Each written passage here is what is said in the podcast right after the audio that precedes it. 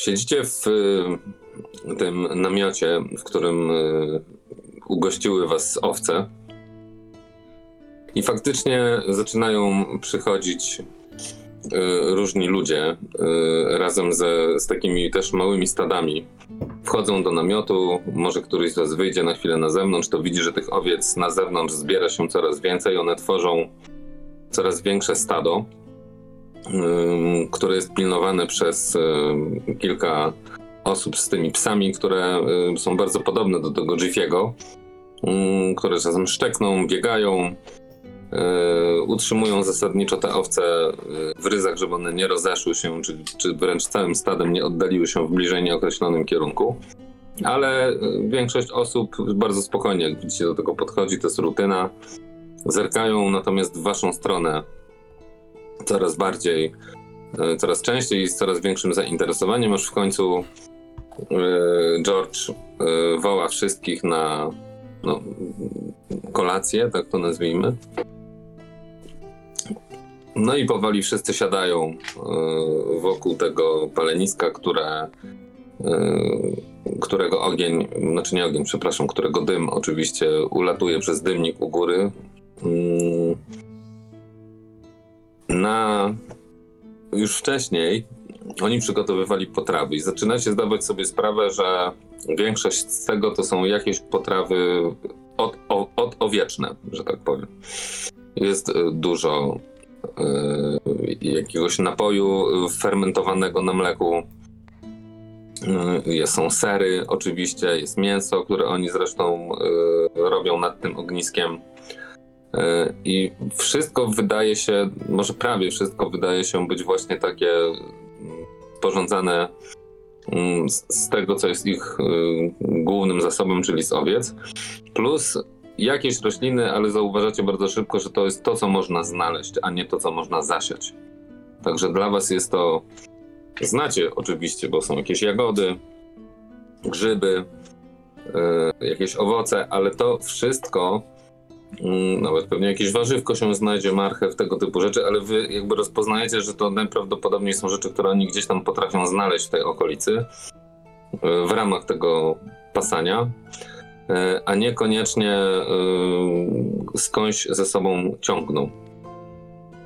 Natomiast jeśli chodzi o to, co pochodzi od owiec, no to już żeście się zorientowali, że takich punktów, gdzie oni mm, albo to mleko stoi i ma zamienić się w ser, albo coś się z nim innego robi, gdzieś tam wokół tego namiotu było już wcześniej do dostrzeżenia sporo. No i teraz to wszystko wjechało na biesiadę. Chciałabym tylko zadeklarować, że z każdą potrawą, choćby najprostszą, chyba że to jest woda, nie? E, Izdis e, pyta o to, skąd się wzięła, jak została zrobiona, wyraża ogromne zainteresowanie tym, jak oni tutaj żyją i jest to zainteresowanie budzone taką potężną ciekawością, nie związaną z tym, że oni są dziwni i ona chce ich poznać, e, jakby to może Persji tutaj mógł powiedzieć, tylko rzeczywiście ona chce dogłębnie zrozumieć ich jako ich inność. Część z tych osób y, jest y, żywo zainteresowana wami i trochę widać, że nie wiedzą za bardzo jak się zachować, ale oczywiście podejmują rozmowy. Wszyscy odpowiadają ci dokładnie z czego i w jaki sposób oni.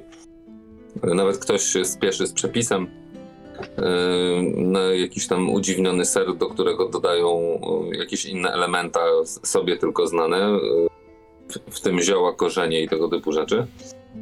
Natomiast część trzyma się zupełnie z boku. Jako, że to jest dosyć duży namiot, to siedzicie w takim kręgu. George y, i Farah, jego y, żona albo partnerka, trudno powiedzieć, jest y, koło niego i jest jeszcze jakieś grono osób, które z wami rozmawia, ale oni w zasadzie wypytują się was, ale tak trochę niezobowiązująco, można by tak powiedzieć. Znaczy nie zadają pytań jakichś super osobistych, tylko zadają raczej takie pytania, skąd jesteście, a gdzie to jest, jak długo trzeba było iść, a co spotkaliście po drodze, czy to jest bezpieczna podróż. Nie, to są tego typu pytania, które są bardziej o świat, z którego wy jesteście i to, co możecie zauważyć wszyscy w zasadzie, to to, że dla nich to jest wszystko nowość. Oni oczywiście słysz, domyślają się, może tak bardziej, że gdzieś tam jest jakiś inny świat, ale chyba bardziej wyobrażali go sobie podobnie do swojego świata.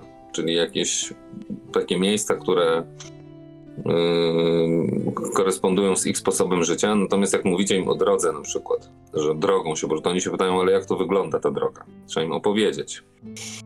Yy, jak opowiadacie o Bri, że jest miasto, w którym są domy i tak dalej, no to oni się zaczynają zastanawiać, a to jak oni, co oni jedzą, no i wiecie, że hodują zboże i takie różne rzeczy. Oni są, wiedzą co to jest hodowla zboża, ale trochę nie wyobrażają sobie, jak tym można wykarmić miasto. E, No i oczywiście e, schodzi też rozmowa na niebezpieczeństwa, więc komuś się tam wymsknie, że być może jakieś trole, które spotkaliście po drodze, a być może jakieś orki. To są istoty z ich punktu widzenia trochę z legend. To znaczy, oni wiedzą, że coś takiego, mają opowieści, że coś takiego istnieje, ale chyba żaden z nich, a przynajmniej na to wygląda, takiej istoty w życiu nie spotkał. Tak jak gdyby to miejsce, w którym jesteście, było zupełnie rzucone yy, na jakąś taką pustynię czasu i przestrzeni. Jakby byli oddzieleni jakąś zadziwiającą barierą, do której nikt nie dociera. Ja także, ja także obdarzam y, bardzo dużą ciekawością y, wieczerzę, ale głównie pod kątem y, degustacyjnym. Zjadam ze smakiem wszystkiego dużo, uśm- uśmiechając się, oblizując palce, ale kiedy trwa ta rozmowa, to też zastanawiam się, bo też nie poznałem tego świata aż tak dużo, natomiast poznałem go z innej perspektywy, ale tu to jest tak, tak dziwne w oczach Ludo, że zastanawiam się, czy w ogóle tak, yy, tak świat się składa z wielu takich jakby wysepek, na których yy, społeczności są tak zupełnie odcięte. Jestem ciekaw i pewnie będę chciał później, bo nie teraz, bo teraz jem akurat, yy, zadać to pytanie Adranilowi. Czy wy chcecie w jakieś specyficzne dyskusje z nimi wchodzić, czy czekacie spokojnie do następnego dnia, kiedy macie udać się do y, siedziby owiec i tam spotkać się z, y, że tak powiem, wodzostwem? Jeżeli masz na myśli dyskusje dotyczące tego, co tutaj się wydarzyło, myślę, że czekamy na wodzostwo. Okej, czyli prowadzicie takie mniej lub bardziej rozbudowane smoltoki. I z mojej strony bardziej wykazuje się nasłuchiwaniem w, w tej kwestii. E, szczególnie interesują mnie wzmianki o elfach, czy gdzieś się pojawia zainteresowanie z DC, czy ktoś mówi, że ja widziałem kiedyś, może, że ktoś przechodził. Nie pytam wprost, bo nie jestem najlepszy w takich pytaniach, więc po prostu jak zajmuję się jakimś napitkiem, jadłem i od, uszy są otwarte na słowa kluczowe, które nas interesują. Zdecydowanie zdradzają zainteresowanie Izdis, y, ale takie same zainteresowanie zdradzają Hobbitem naszym wspaniałym, dlatego że y, o ile ludzie dla nich są rzeczą y, codzienną, to zarówno Hobbici, jak i elfowie y, mm, to są jakieś istoty. O Hobbitach to w ogóle nie słyszę. I oni na początku myśleli, że ty, Ludo, jesteś po prostu małym człowieczkiem takim. Może jakaś choroba cię Mhm. dopadła w wieku młodym, albo może jakoś tak, ale zostali tam w którymś momencie tejże uczty e, wyprowadzeni z błędu, no i to tym bardziej ich zdziwiło. Natomiast jeśli chodzi o elfy, to oczywiście takie legendy są, e, więc oni są zainteresowani, ale oni ewidentnie z jakiegoś powodu ograniczają się do. Może nie chcę powiedzieć, że to jest jakaś super rezerwa, ale taki dystans. Oni nie chcą się jakoś za bardzo spoufać. Czekają na Mhm. rozwój wydarzeń. Myślę, że widząc to, y, tutaj jest moja deklaracja. Ja im zaczynam opowiadać o sobie, o elfach, o moim domu w Rivendell. Chcę też, żeby mnie poznali i chcę się z nimi też jakoś zaprzyjaźnić, uzyskać ich sympatię. E, więc jakieś stare pieśni czy legendy, e, na przykład o wielkim drzewie w Balinorze, usłyszą. Chociaż może sobie nie będą w stanie tego drzewa wyobrazić. Jest taka dziewczyna, która się nazywa Sally, Mhm. y, która jest w wieku takim p- późna młodość, tak znaczy przesadziłem teraz. Późne nastole, nastolectwo, o tak. Mhm. I e, ona e, ma długie włosy, no, też takie mysie. Mhm. Ją bardzo interesuje, jak daleko jest do, do tego Rivendell. Ile to trzeba iść. Myślę, że jeżeli byś chciała, byłabyś w stanie to zrobić. I tutaj, opowiadając jej w bardzo poetycki sposób, tłumaczę, jak trafić do Rivendell. E, oczywiście pomijając fakt, jak dojść do samego Rivendell do domu Elronda, bo myślę, że Elrondowi nie spodobałoby się to. Ale opowiadam o, o tej ścieżce, o tym, że są pewne niebezpieczeństwa, na które trzeba uważać, o tym, że, że to jest ukryte w, w takich górskich przesmykach, e, o takim polu wrzosów, które e, znajduje się w pobliżu, mm, o takiej magicznej przestrzeni. E, I jakby prowadzę tę opowieść, kończąc finalnie e, takim wnioskiem, faktycznie mówiąc, ile dokładnie, gdyby teraz wyruszyła, mogłaby spędzić czasu na tej podróży. Mhm. I sami nie wiecie kiedy, ale ten późny wieczór przekształca się yy, w jakieś takie migotliwe sceny. Jakieś osoby poruszające się gdzieś tam z drugiej strony ogniska, cienie, które tańczą na wewnętrznej stronie namiotu, powieki, które opadają. Moment, kiedy wzdrygacie się, że wydawało się, że już spałem, ale jednak nie i gdzie jestem. Po chwili przychodzi uświadomienie. Eee, aż wreszcie otwieracie oczy i to już jest po prostu poranek.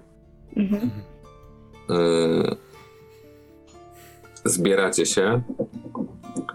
Oni już się dawno krzątają.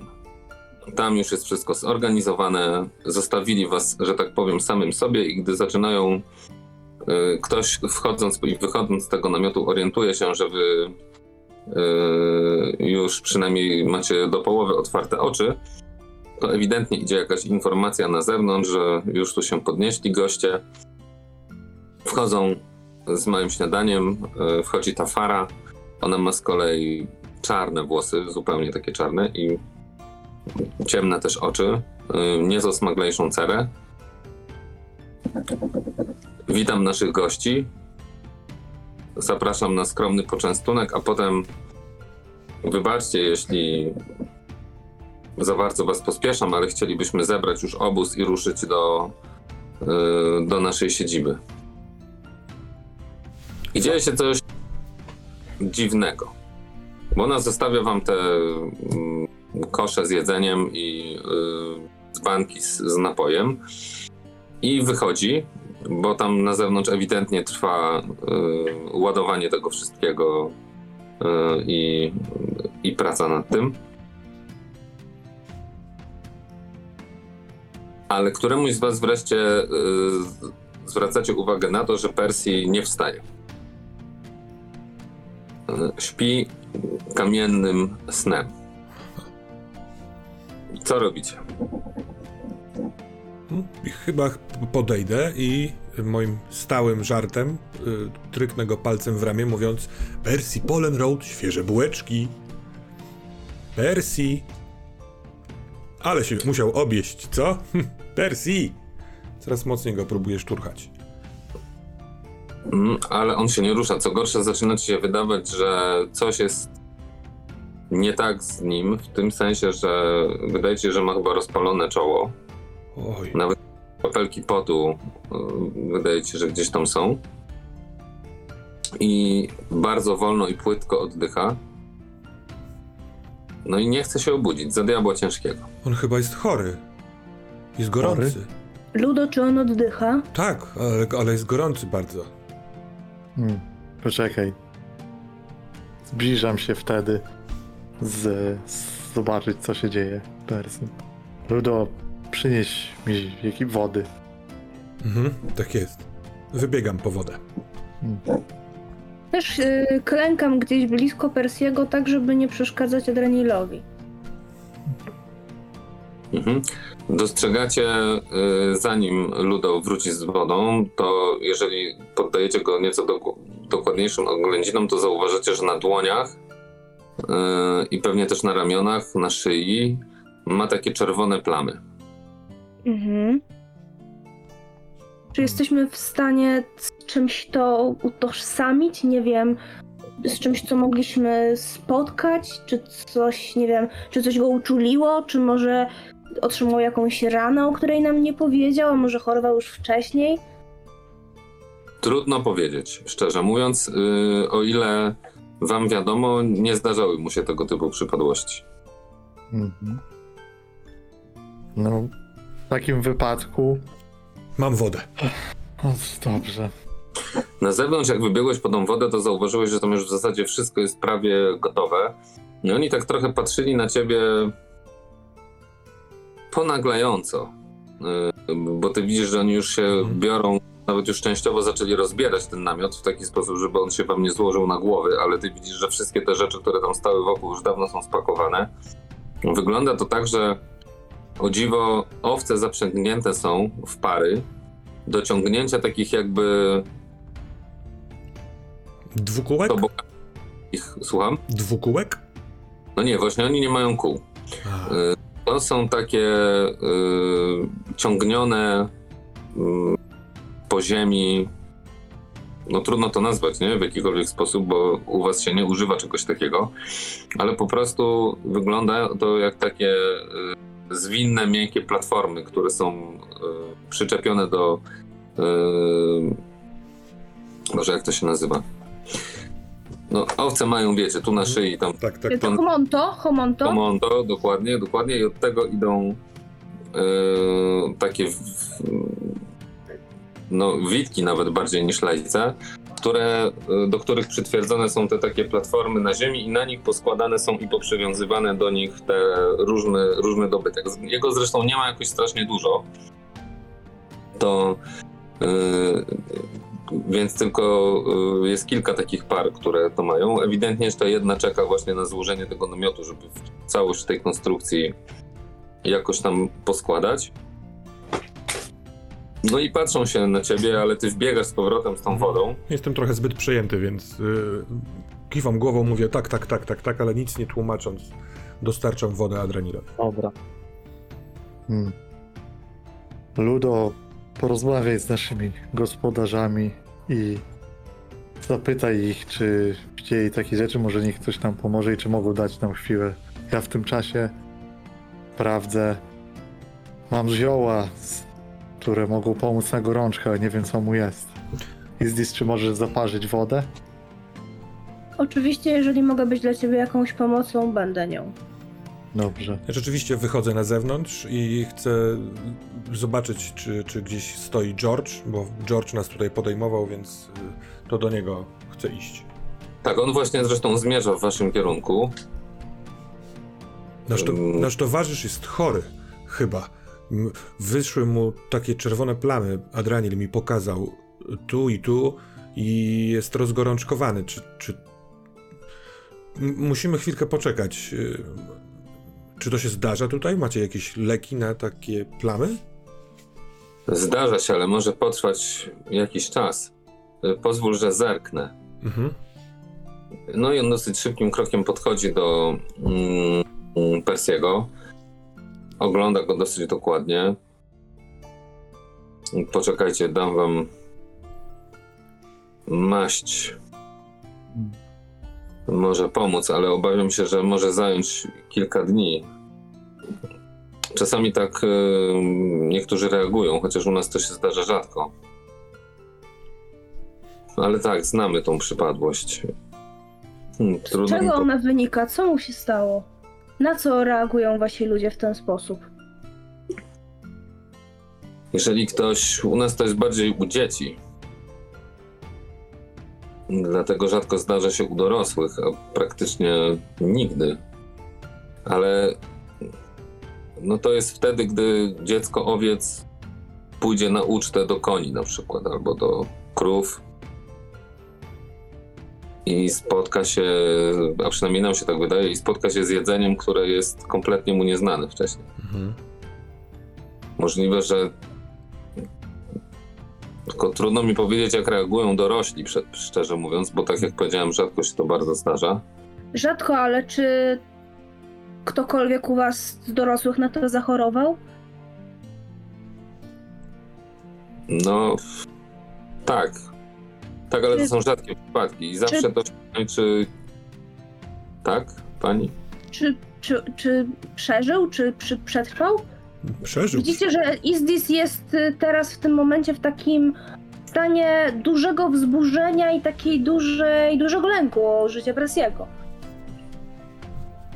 Tak, tak, przeżywają, przeżywają. To po prostu trwa jakiś czas, kilka dni.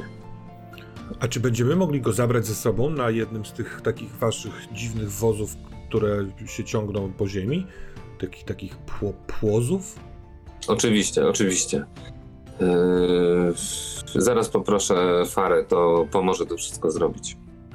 I on wychodzi z namiotu i za chwilę wchodzi Fara, ogląda go, potwierdza diagnozę. Yy, I ona już ma maść, którą yy, wyjmuje i zaczyna, prosi was o pomoc, bo ona musi go trochę rozebrać, żeby znaleźć te zaczerwienienia. No i zaczyna je smarować tymi różnymi, tą różnym, tym, tym specyfikiem, który nie pachnie zbyt zachęcająco.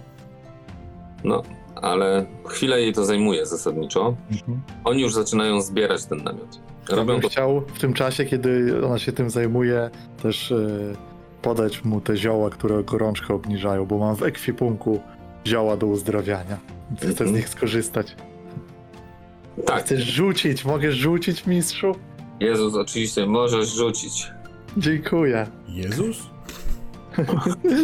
To jakiś el, elf z południa? Ja, Fajny, fajny bóg rzutów.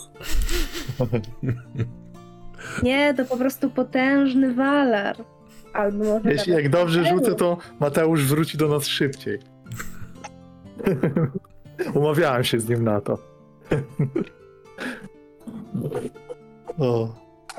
No cóż, Nie wróci. wróci, wróci. Udało się, jest jedna szóstka jeszcze. Już to dosyć dobrze reaguje na ten wywar, jeśli chodzi o temperaturę. Ale wydaje ci się w trakcie tego, yy, tego procesu podawania mu tego wszystkiego, który nie jest prosty, nie? Bo on śpi i jest taki dość mocno nieprzytomny. No ale jakoś tam z tą farą podnosicie go, udaje się go jakoś tak przytrzymać, żeby ten płyn yy, wlać mu do ust po prostu. Yy, ale jest moment, w którym wydaje ci się, że on coś szepcze. Nie cały czas, ale raz na jakiś czas, że coś mówi. Ale trudno ci jest rozpoznać, co to może być, dlatego że on ewidentnie mówi w jakimś innym języku. E, I w zasadzie mógłbyś sobie teraz rzucić, czy ty ten język rozpoznasz. Dobra. To wiedza, nie? Chyba. No, No to rzućmy. Rozum jaki mam, taki mam. Ale cóż. E, To się nawet dodaje do sukcesu, bo wystarczy wyrównać, nie? Wynik, więc to tak.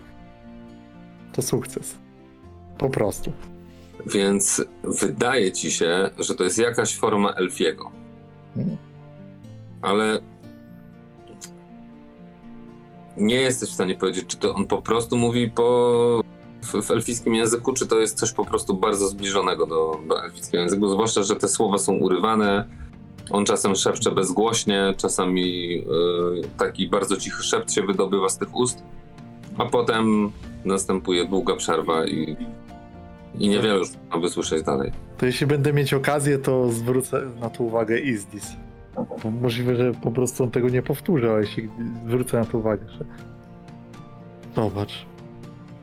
Rozumiesz coś z tego? No i nie wiem, czy on szepnie znowu, czy nie szepnie, czy to się... Nie, jak mu spadła gorączka, to Okej. spokojniejszy sen zapadł. Postaram się powtórzyć jakieś takie ten słowa, czy może Izdis rozpoznaje jakiekolwiek tak z, ze słyszenia. Brzmi znajomo, ale tak nie do końca. Rozumiem. E, nie wiem, w którym królestwie dzwoni, ale w którymś jednak dzwoni. Wybacz mi, ale nie wiem. Przepraszam. Nie szkodzi. Znaczy, ty masz diagnozę dość podobną, że tak powiem, jak Adranie, nie? Że to brzmi, to brzmi ci jak elfi, ale może Rozumiem. dialekt, E, coś mhm, takiego. natomiast myślę, że Izdis chlubi się wiedzą. To jest jej główna umiejętność, więc to, że nie jest w stanie ze słuchu e, rozpoznać, jaki to elfi dialekt, w tej w ogóle sytuacji trudnej e, czyni ją e, jeszcze bardziej smutną i zestresowaną. Widząc Ale- twoją reakcję, Ale wiesz co, ale też zaciekawioną, dlatego że ty zaczynasz mieć świadomość, że to nie jest tak, że on mówi jakimś dialektem elfów, tylko że to jest być może język, który jest bliski językowi elfów, ale ty na pewno dokładnie czegoś takiego nie słyszałaś i jesteś tego absolutnie pewna. Nie chcę rozprzestrzeniać fałszywych pomysłów. Mam jeden, ale muszę się jeszcze upewnić. Hmm. Możliwe jest też, że po prostu usłyszał kiedyś coś po elfiemu i W zapamiętał coś mowie w gorączce w dziwne rzeczy się szepta. M- może też przekręcać. Adrenilu, myślę, że może to mieć związek z tym, co przyśniłam, z tą pieśnią elfów, ale nie wiem jakich. Hmm. Może to wcale nie elfy, tylko ktoś inny. Hmm. Ale tak jak mówiłam, nie chcę rzucać fałszywych pomysłów, żeby nie okazało się, że wprowadziłam was w błąd. Dobrze, zbierzmy się z nim. Potrzebuję odpoczywać teraz, wiele więcej mu nie pomoże. I wszyscy sobie zdejmijcie, bo tam y, mieliście niektórzy z was przynajmniej te punkty. Tak, dokładnie. To zdejmijcie sobie po jednym punkcie, ci, którzy posiadali. Po prostu te punkty znużenia przeszły wszystkie na Persiego i niestety Persji jest niedysponowany. Ja w międzyczasie, kiedy y, dokonywana była lingwistyczna diagnoza, to y, przygotowałem z y, przyniesionego prowiantu przez Farę takie paczuszki na drogę, bo widzę, że wszystkim się śpieszy. Teraz nie mamy jak za bardzo zjeść spo- spokojnie, więc jak już będziemy iść, to możemy sobie w drodze podjeść trochę tego sera, popić mlekiem. Persji zostaje ułożony na jednym z tych takich, nie wiem jak to nazwać, y, nazwijmy to tobogany z braku lepszego określenia i ruszacie. Droga y, jest powolna, y, ale przyjemna. Oni oczywiście gonią te owce, nie? To jest jakby podstawowy punkt programu. y, Radzą sobie z tym znakomicie. Te owce parę razy próbują gdzieś tam dać nogę, ale jest to za każdym razem y, ukrócane zaraz na początku, także nie dochodzi do żadnych dziwacznych wydarzeń, ale trochę czasu niemniej jednak to zajmuje. Y, Gdzieś na szlaku mijacie grupę, y, małą grupkę ludzi, którzy idą w takim oddaleniu, że widać ich dość daleko, w przeciwnym kierunku sobie podążają. I widać ich tylko dlatego, że wy jesteście na wzgórzu, a oni gdzieś na dużo niższym poziomie. To kozy. Oni idą swoim szlakiem, my idziemy swoim. I to jest wszystko, co jakby pada jako komentarz do tego całego wydarzenia. I faktycznie takim późnym popołudniem zauważacie na wzgórzu takich namiotów kilka rozbitych. Tam e, i jeszcze jedno stado owiec, które tam jest zgonione, ale też macie wrażenie, że musiało przyjść niedaleko, bo tam niedawno, przepraszam, dlatego że ktoś ewidentnie tam jeszcze je oporządza. Jeszcze ktoś rozstawia kolejny namiot. Yy, I gdy zostajecie zauważeni, cała ta wasza kawalkada, to mm, część osób, yy, i nie jest to dużo ludzi, wbrew pozorom. W sumie tego wszystkiego, jakbyście chcieli liczyć, to jest około 50 osób, max może no coś koło tego. I jak już podchodzicie, wchodzicie na to wzgórze, te owce oczywiście są odprowadzone przez y, ludzi od was z, w bok, także idą stworzyć jakby swoje stado i stanąć na odpowiednim miejscu, natomiast naprzeciwko was stoi e, para ludzi, takich w średnim wieku, otoczeni przez e, kilka starszych osób, jakąś młodzież, no i ewidentnie wyczekują, aż podejdziecie bliżej, prowadzeni przez George'a i Farę. E, Ruth Ann została pogoniona, że tak powiem, do pomocy w zaganianiu owiec. Jak podchodzicie na wystarczająco bliską odległość, to ten mężczyzna, bo tam jest mężczyzna i kobieta. Tak jak mówię, w takim średnim wieku. Oboje mają dosyć długie włosy. Ona jest Właściwie poza tą farą wszystkie dziewczyny tutaj wyglądają, wydaje wam się dość podobnie. Mają takie delikatne rysy, płowe włosy, jasne oczy. Y, No ona się różni tylko tym, że y, jest starsza niż te, niż te dzieciaki, które do tej pory widzieliście tam koło siebie. Ona daje kilka kroków do przodu razem z, z mężczyzną, który też no w jakimś sensie jest starszą kopią George'a. Yy. Witamy w obozie owiec. Niech jasność spłynie na obóz owiec. Jesteśmy przybyszami, którzy odnaleźli e, Jerego. Ja nazywam się Ludo Cleverfit, jestem hobbitem z Shire. To oto jest Izdis o białych dłoniach, a to Adranil. I wtedy ten mężczyzna robi krok do przodu, skłania się. Miło mi was poznać. To jest moja żona Osza, a ja jestem Kaleb i jesteśmy wodzami owiec. Miło jest nam powitać was w naszym obozie. I cóż, Szkoda tylko, że musieliśmy spotkać się w nie najwyższych okolicznościach. Zapraszam do Wigwamu i na posiłek. Do namiotu, przepraszam, i na posiłek. No i oni wprowadzają was do jednego z tych namiotów, takiego większego. Tam też jest dużo motywów e, namalowanych na tych ścianach tego namiotu. N- motywów, które nie bez jakby, no nie są to namalowane owce, ale wszystko to kojarzy się z owcami, że tak powiem. Nie są jakieś zakręcone rogi, yy, jakieś takie motywy. Po, powiedzielibyście, że namalowanego stada owiec takiego, wiecie, widzianego z oddali. Ja nieco Mhm. zawstydzony, że z opóźnieniem, ale kiedy już wszyscy ruszamy, to mówię, jest jeszcze z nami Percy Polenroad, wspaniały człowiek z miasta Bri, który jest chory. I pokazuje go leżącego. O. Mm, to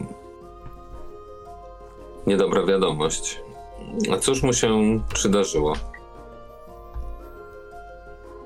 Jest chory na coś, co podobno tyczy się też, do, dotyka waszych dzieci. Ma czerwoną wysypkę. Z, Ach.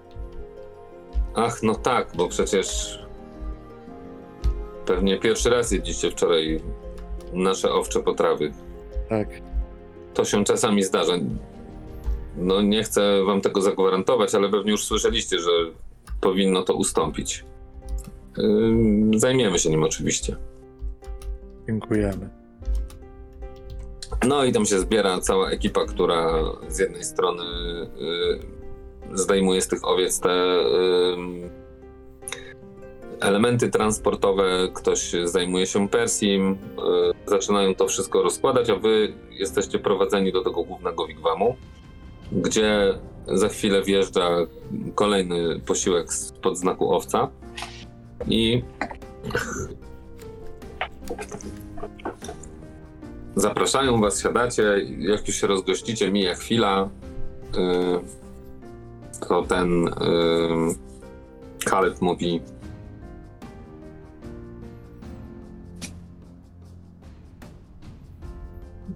Co was do nas sprowadza? Pewnie już zorientowaliście się, że bardzo rzadko mamy możliwość spotkać się z ludźmi z innych stron. Pewnie, Czy zwy- z, pewnie zwykle powie- mówiłby Percy, yy, ale go nie ma, więc patrzę i na- na Adranila i na Izdis i decyduję się, że to możliwe, że jest moment dla, dla posłańca Ludo Cleverfita. Dostajesz jeszcze skinienie głową od Adrenila, który napotyka twój wzrok. Przemierzaliśmy tę krainę w swoich sprawach, kiedy napotkaliśmy bardzo niepokojący widok leżącego chłopca. Potem okazało się, że to Jerry. Myśleliśmy, żeby mu pomóc, ale było już za późno. E, Przybyła też e, dziewczyna e, od was o imieniu Ruthan. To ona powiedziała, że chłopiec nazywał się Jerry.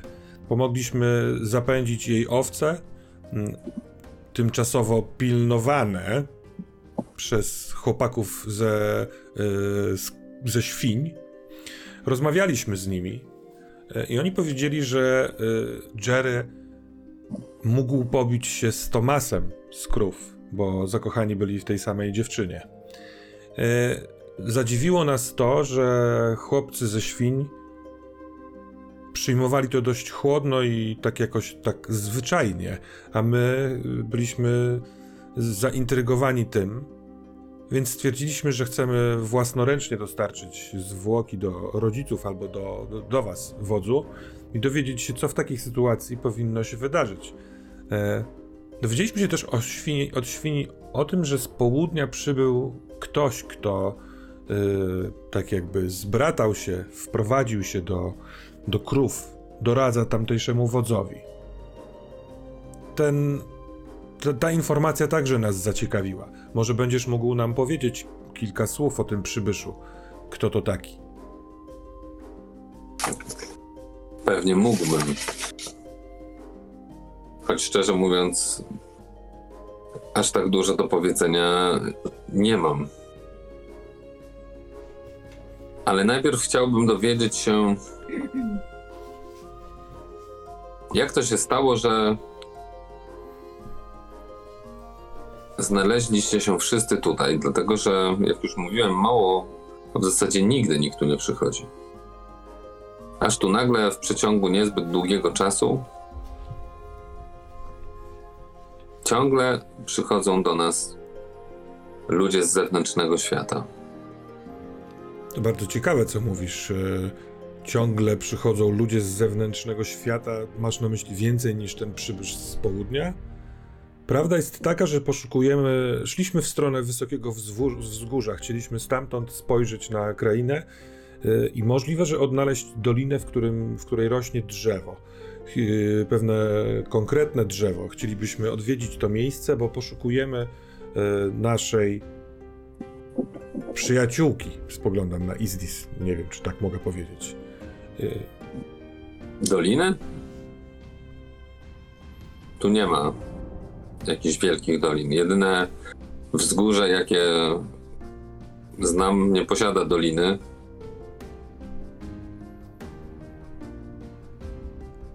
No ale zna znaleźliśmy w, nie, nie, nieopodal y, miejsce, w którym ktoś obozował i pomyśleliśmy, że możliwe, że to było miejsce, w którym nasza przyjaciółka albo, albo, albo ktoś, kto mógłby o niej wiedzieć, y, miał popas. Dlatego byliśmy, będąc w okolicy, szliśmy rozglądając się. Nasz cel jest tak prosty. Jestem ciekaw, co z tymi wszystkimi innymi ludźmi z zewnętrznego świata, o których mówisz, Calebie. Jeden z nich przybył, jak twierdzi, jako posłaniec z południa.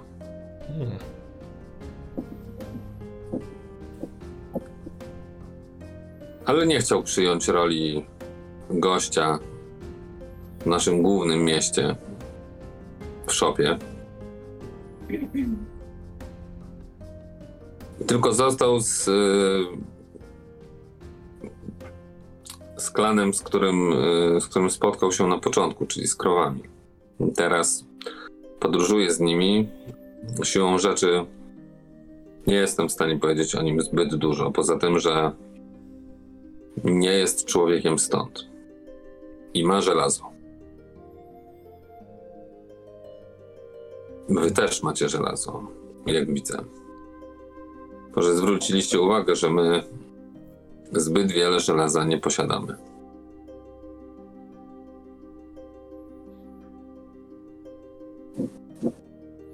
A czy zdarzają się u, u was wśród klanów takie sytuacje jak ten straszliwy los, który spotkał Jerego?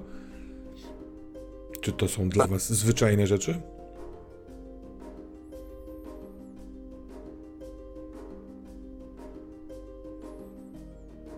Powiedzmy, że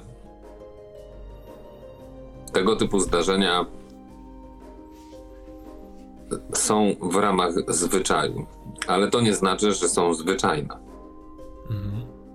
Nie zdarzają się codziennie, jeśli o to pytasz.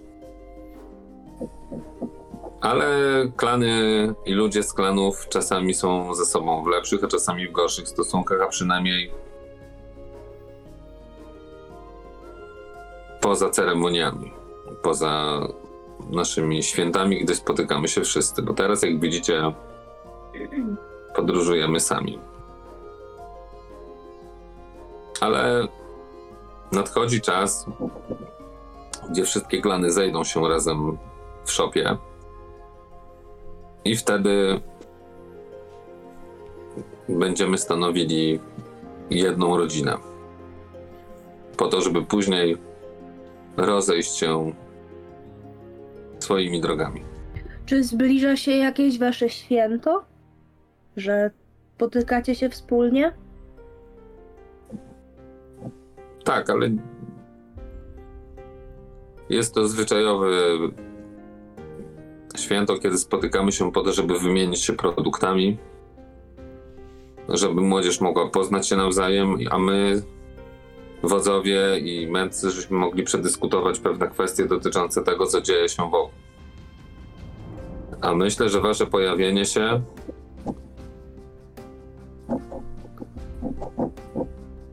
i pewne pogłoski Jakie pogłoski?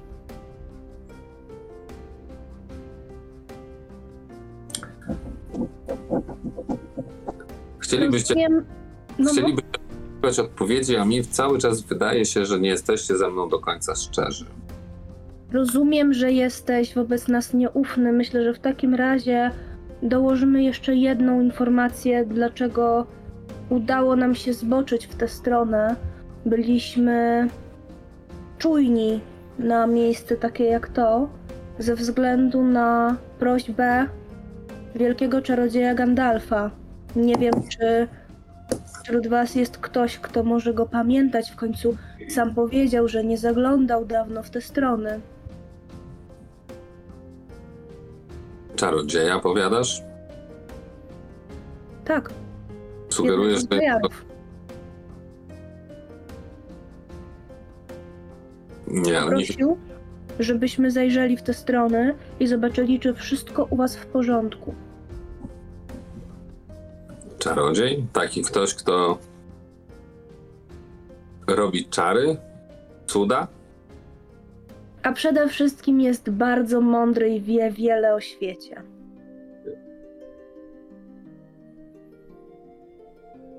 Hmm. Istnieją legendy o kimś takim, ale przyznam szczerze, że ja nie pamiętam, żeby. Zawsze myślałem, że jest to tak samo legendarna istota jak. jak elfy. A jednak stoję przed tobą i tak samo mężczyzna z długą, siwą brodą i w szarym płaszczu był tutaj i troszczy się o was. Musiał być tu bardzo dawno temu. Pewnością. Majerowie są długowieczni. Czyli chcecie powiedzieć, że przyszliście tu dlatego, że czarodziej, który był tu przed wiekami, postanowił wysłać was na sprawdzenie, czy jak żyjemy. że natknęliśmy się na was przypadkiem ze względu na to, co opowiadał już Ludo. Ale kiedy zrozumieliśmy, że mamy do czynienia z tymi, których szukamy, to byliśmy tutaj, żeby sprawdzić, czy jesteście bezpieczni. To, tutaj wskazuje na y, Adrenila, jest strażnik, który dba o to, żeby te tereny były po prostu bezpieczne. Dba o to, żeby były bezpieczne? Tak. Żeby. To wyraźnie, jego to wyraźnie rozbawiło, nie? Dlaczego? Widać po Izdis, że ona jest zdziwiona, jakby rozmawia z nim, zupełnie wyjawia mu całą prawdę, to co myśli, i on się z niej śmieje, jakby to jest taki, taki ząg totalny dla niej. Bardzo zadajesz dużo pytań, które po- podważają y, szczerość naszych pierwszych słów. Można by Nie. pomyśleć, że y, wydaje ci się, że coś przed tobą ukrywamy. Nawet gdybyśmy ukrywali, do czego mamy pełne prawo, bo każdy może mieć swoje zadania, swoje sprawy. Ale przychodzimy ze sprawą wspólną. Na naszej drodze pojawił się martwy chłopiec. Przywieźliśmy go wam, ponieważ tak powinno być. Chcielibyśmy dowiedzieć się, co się teraz stanie, bo mnie na przykład interesują takie sprawy, obyczaje innych ludów. Poszukujemy, stanie? poszukujemy zaginionej przyjaciółki i jeśli masz jakąś informację o kimś takim, widziałeś tutaj, mówisz, ludzi z zewnątrz, może wieźli w jakiś wóz, może mieli kogoś... Nic z tych rzeczy. Niestety nic z tych rzeczy. Nie, nie Jeżeli- zarzucam szczerych chęci. Natomiast wybaczcie, jeżeli to tak zabrzmiało. Ale słuchy, które do mnie czasem dochodzą, słuchy dotyczące zakazanego lasu,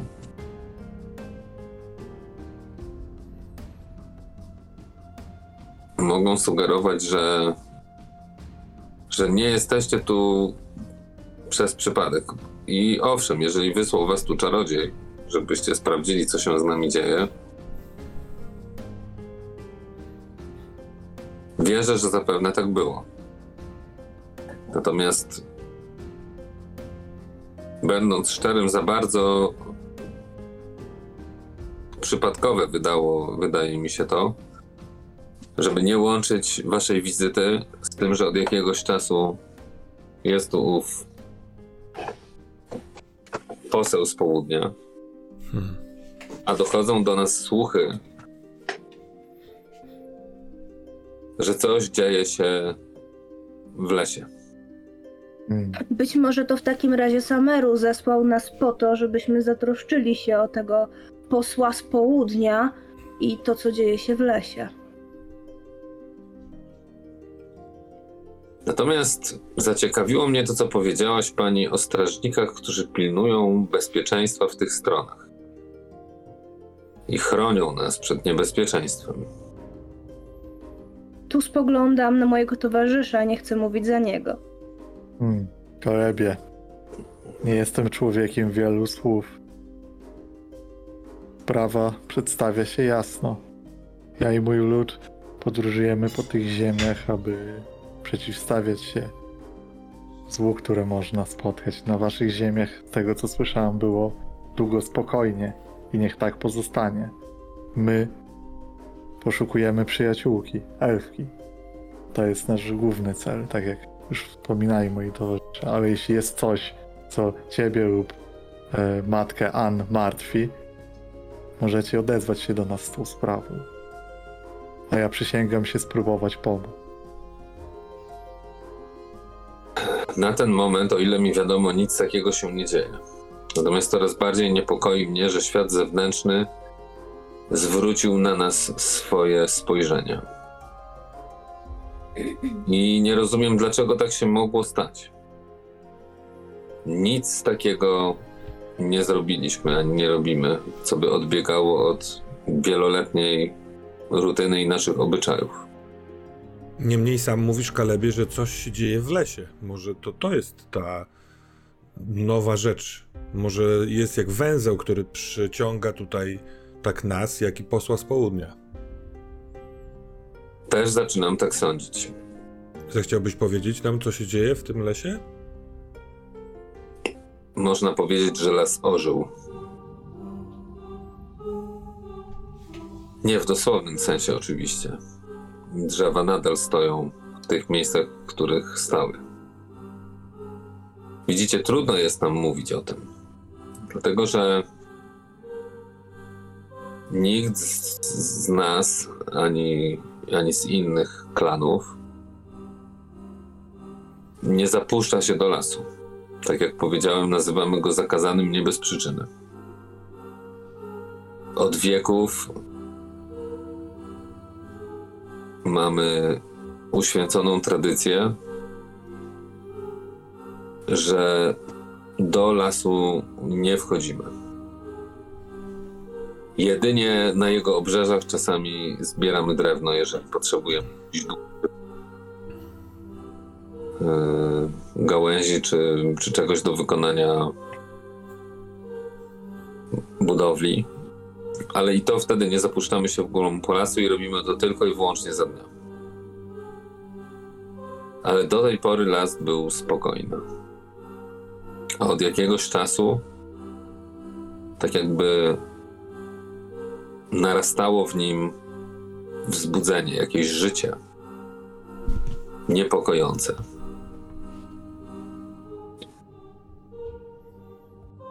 Myślę, że takie przypadki dzieją się już od lat. Choć ja pamiętam jeszcze, kiedy, kiedy były one bardzo, bardzo rzadkie. Że las dawał oznakę innego życia niż po prostu jakąś sarnę czy jelenia. Albo Jakie oznaki życia w takim razie daje? coś tam się zaległo. Coś. Co trudno nam nazwać, dlatego że nie widzieliśmy tego.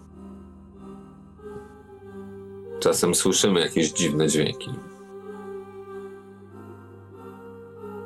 Znaleźliśmy także coś takiego. Może będziecie wiedzieli, co to jest. I on wstaje, podchodzi do takiej skrzyni, która stoi yy, przy ścianie namiotu i wyjmuje takie zawiniątko mniej więcej tej długości. O, nie widzicie mniej więcej tej długości. No taki pół metra powiedzmy. Odwija tą szmatę i podaje Adranilowi.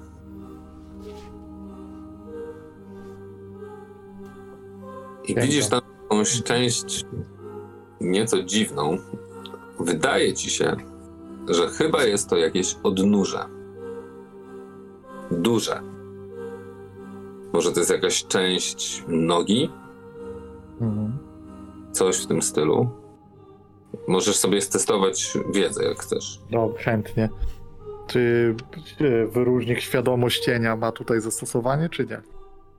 Tak. Dobra, to wykorzystuję nadzieję, żeby dodać kostki do wiedzy. Niższy znacznie Hobbit niż poziom, e, e, na którym znajduje się przedmiot w rękach Adranila. E, Próbuję spojrzeć, ale żeby nie wyglądać głupio i niegodnie, przestaję. Nie chcę stawać na palcach. Ja myślę, że Izdis to zauważa i uśmiecha się do ciebie. Mm, To ja, ja się zaczerwieniam. Dobra, trzeba policzyć. Kurde, nie wyszło. Nie wiem. Wyrzuciłem wyszło? fatalny rzut. No, bardzo słabo rzuciłem. No cóż, Noga. noga wydaje się, że owada. Yy, bo tak o tym świadczy, że tak powiem, yy, struktura yy, tego czegoś. Ale co to by mogło być? Trudno ci powiedzieć. Nie widziałeś nigdy czegoś takiego. Nie widziałem nigdy czegoś takiego w swoich podróżach. Owad? Czy znaleźliście coś więcej? Czy tylko to? Nie, jeśli chodzi o znalezienie, to tylko to. Natomiast od jakiegoś czasu pojawiają się też doniesienia o światłach, które rozbłyskują w ciemnościach lasu, gdzieś daleko od jego granicy. Przemieszczają się niczym żywe ognie, które tak jakby ktoś niósł pochodnie, wiele pochodni. Czy jest to naturalne? To znaczy, czy można rzeczywiście powiedzieć, że jakaś grupa niesie te pochodnie? Czy raczej powiedzielibyście, że to jakieś dziwne stworzenia lub magia? Nie, ja powiedziałbym, że to raczej jakieś istoty rozświetlają sobie drogę. Ale nigdy wcześniej czegoś takiego się nie dało zauważyć, nie dało zobaczyć. Znaczy, I to dzieje się od niedawna, szczerze mówiąc. Dlatego, kiedy spotkaliśmy Was, tak, Adranilu, chciałem zapytać, czy to, co się dzieje, zaczęło się dziać po tym, jak przy, przybył tutaj ktoś z zewnątrz.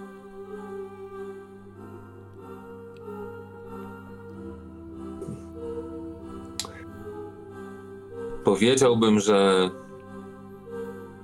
że twoje myślenie idzie w dobrą stronę. Nie umiem tego dokładnie ocenić w czasie. Ale mam wrażenie, że, że ewidentnie te rzeczy są ze sobą związane. Ja w takim razie proponuję, że pójdziemy to sprawdzić. Prawda? Tutaj patrzę na swoich towarzyszy pytająco. Mm, Poczekaj. W takich sytuacjach wymagana jest zgoda chociażby matki. Nie możemy naruszyć miejsca, które jest uważane za zakazane. Jak tylko Izdis zadałeś pytanie, to ja zacząłem kiwać głową, ale jak Adranil zaczął mówić, to zamieniłem to w... Myślę, że my oboje, tak, nie? Że się podnieśliśmy aż w sobie, że dobra, idziemy, ale jakby nasz tutaj tata drużyny mówi, że nie, a jak Adranil powie, że nie, no to... Ja Pamiętajcie, też, że nie możemy pomagać na siłę. a ja bym chciał jeszcze zadać ci jedno pytanie, Caleb. E, może wydać się dziwne, ale ta cała sprawa chyba jest dziwna, bo powiedziałeś, że macie wrażenie, że ten las ożywa. E, spytaliśmy o to, skąd takie wrażenie. Mówisz o dźwiękach i o tym dziwnym znalezisku, ale czy na przykład miewacie dziwne sny?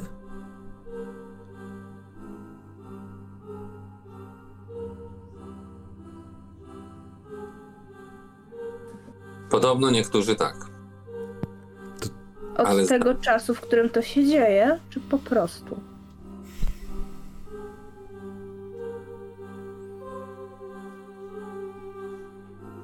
Kiedy obozowaliśmy w okolicy, ja miałam dziwny sen. To o nim Ludo wspomina. Wydaje nam się, że czasami śnią się różnym z nas podobne rzeczy. Ale to już jest od dawna, tylko było rzadko. Od jakiegoś czasu częściej słyszę o tym, że ktoś miewa taki sen, zwłaszcza jeśli jest chory albo w gorączce po jakimś wypadku.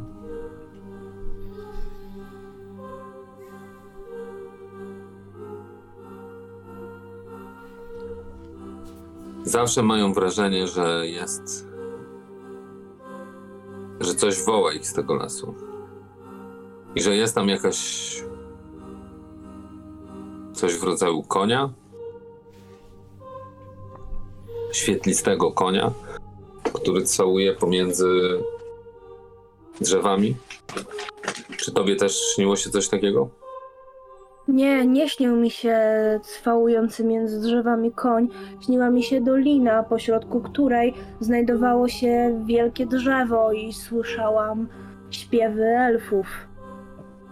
Ale to drzewo wołało mnie do siebie. Nie wiem, może. Może te sny są powiązane, ale ty śniłeś coś innego, dlatego że jesteś elfem. Być może. Ale tak jak mówię, my staramy się nie reagować na to, co dzieje się, co przychodzi z lasu. Ten las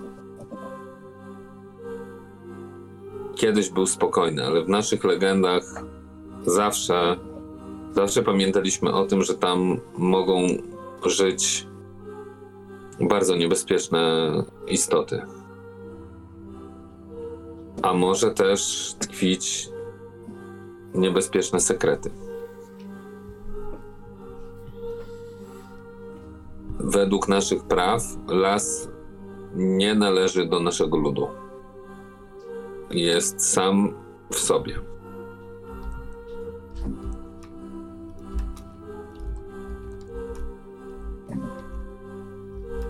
Niepokoi nas oczywiście fakt, że coś tam się ewidentnie zaczęło dziać.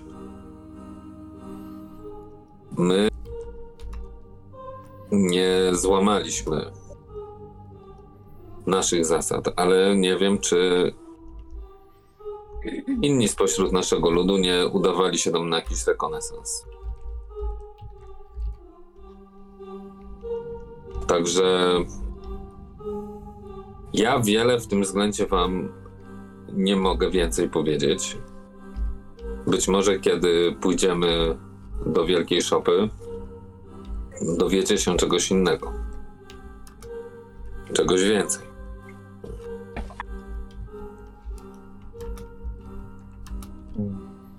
Dobrze, No to zatem. ja też chciałbym się dowiedzieć. Powiedzieliście, że szukacie zaginionej towarzyszki.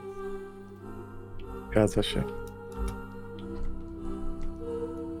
Rozumiem, że podejrzewacie, że ona mogła przybyć do nas. Jej droga przebiegała możliwe, że tą okolicą, także a też znaleźliśmy ślady obozowiska, które mogłoby wskazywać, że podróżowała w okolicy.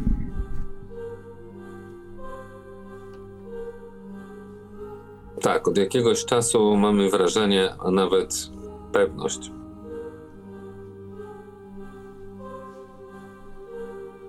że ktoś lub coś, ale raczej ktoś omija nasze ziemię i idzie wprost do, do lasu. To nie jest częste i nie jest tego dużo. Ale kiedyś nie musieliśmy zastanawiać się, co się dzieje na obrzeżach tras naszych zwierząt. A teraz czasem znajdujemy. Trudno to nawet nazwać śladami, ale gdyż ci, którzy tam idą, powiedziałbym, że nie zostawiają po sobie śladów. To raczej są jakieś ulotne dźwięki, czasem wczesnym rankiem albo bardzo późnym wieczorem zauważymy coś gdzieś daleko na horyzoncie. Ale później, jak próbujemy to sprawdzać, to rozwiewa się to niczym mgła Ale ja, południe. jakież coś? Grupa, czy, czy, czy ktoś? Czy konie? Jakieś postacie z daleka wyglądające jak ludzie, albo jakieś duchy, bardziej jak duchy, bo duchy nie pozostawiają śladów, prawda? I tylko duchy potrafią poruszać się tak, że nigdy nie jesteś w stanie ich ani wytropić, ani usłyszeć wcześniej. Rozmawialiśmy o tym parę razy i wydaje nam się, że że to ma coś związanego, to jest to związane z tym, że tak jak mówiłem, las ożył. Coś tam się zaczęło dziać. To wszystko jest bardzo ciekawe, a także nieco niepokojące. Dziękuję, że się z tym, e, że się tym z nami podzieliłeś, Kajlebie. Dzielę się z wami, bo wyglądacie na nikogo nie obrażając, oczywiście ludzi z krwi i kości. Takich jak my.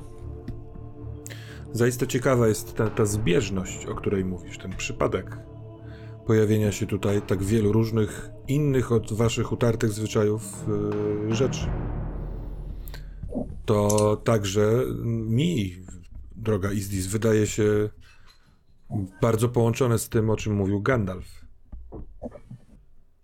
Adranilu, to co w takim wypadku powinniśmy zrobić? Poczekać, aż wszyscy, y, wszystkie klany zbiorą się y, w stodole i poprosić o, o, o to, żebyśmy też mogli w tym wziąć udział?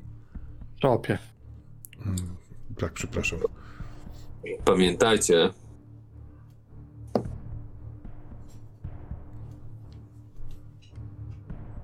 że odkąd weszliście na nasze ziemię, choćbyście nawet bardzo chcieli, nie będziecie działać tylko we własnym interesie. Ani nie będziecie też reprezentować tylko ich własnego interesu. Jak powiedziałem wcześniej, wierzymy i w ten sposób postępujemy, że ten las ma niebezpieczne tajemnice, niebezpieczne dla nas. Może nie tylko dla nas, ale dla nas na pewno. Zapewne są też tacy, którzy chętnie wykorzystaliby je na swoją korzyść. Dla mnie jest to przede wszystkim zagrożenie. Zagrożenie dla miejsca, w którym jesteśmy. Na szczęście nie jesteśmy sługami ciemności.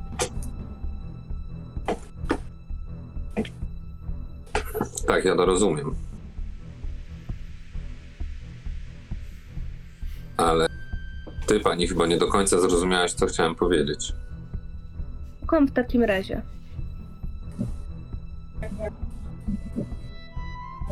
Jeżeli poszlibyście do lasu, jeżeli byście z niego wyszli, co oczywiście nie jest pewne,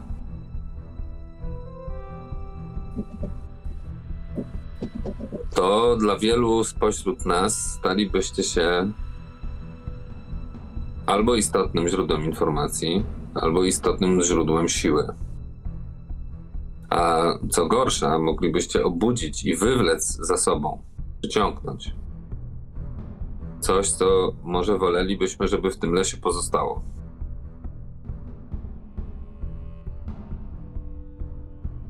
Czy dążysz do tego, że nasza podróż do lasu nie może skończyć się tutaj, w tym miejscu? Mamy nie wracać, jeżeli pójdziemy do lasu? Nie, ale myślę, że. że nie mnie o tym decydować, a na pewno nie samemu. Bo taka wyprawa może nas bardzo drogo kosztować. Rozumiem cię i słyszę cię. Jest. Jest to nie tylko. To nie jest nasz wybór jedynie. Dlatego musimy spotkać się w szopie z matką Ann i resztą wodzostwa. Jeśli taka będzie wasza wola, to możemy zająć się tą sprawą. Nasze, nasza misja w, dotycząca się poszukiwania przyjaciółki może nas prowadzić w tamto miejsce, ale nie będziemy działać wbrew i przy zagrożeniu miejscowej ludności. Czy, czy może wy macie jakieś domysły? Co to są za istoty, które wchodzą do lasu? Albo co to są za istoty, które w tym lesie nagle nocą zaczęły chodzić, przemieszczać się? Mam wrażenie, że to są różne istoty, wiele rodzajów istot. Jedne już w tym lesie jakby były i tylko nagle ożyły, wstały, a inne, o których powiedziałem, że są jak duchy, a może są duchami, przenikają tam z zewnątrz. Czy macie pomysł, co to mogły być za istoty? Może znacie takie istoty? Jesteście Ja ze... podejrzewam, że jednymi z tych istot mogą być elfowie.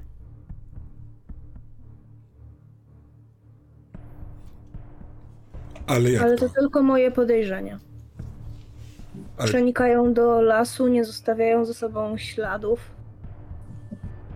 Poza tym widzieliśmy broszkę w pobliżu.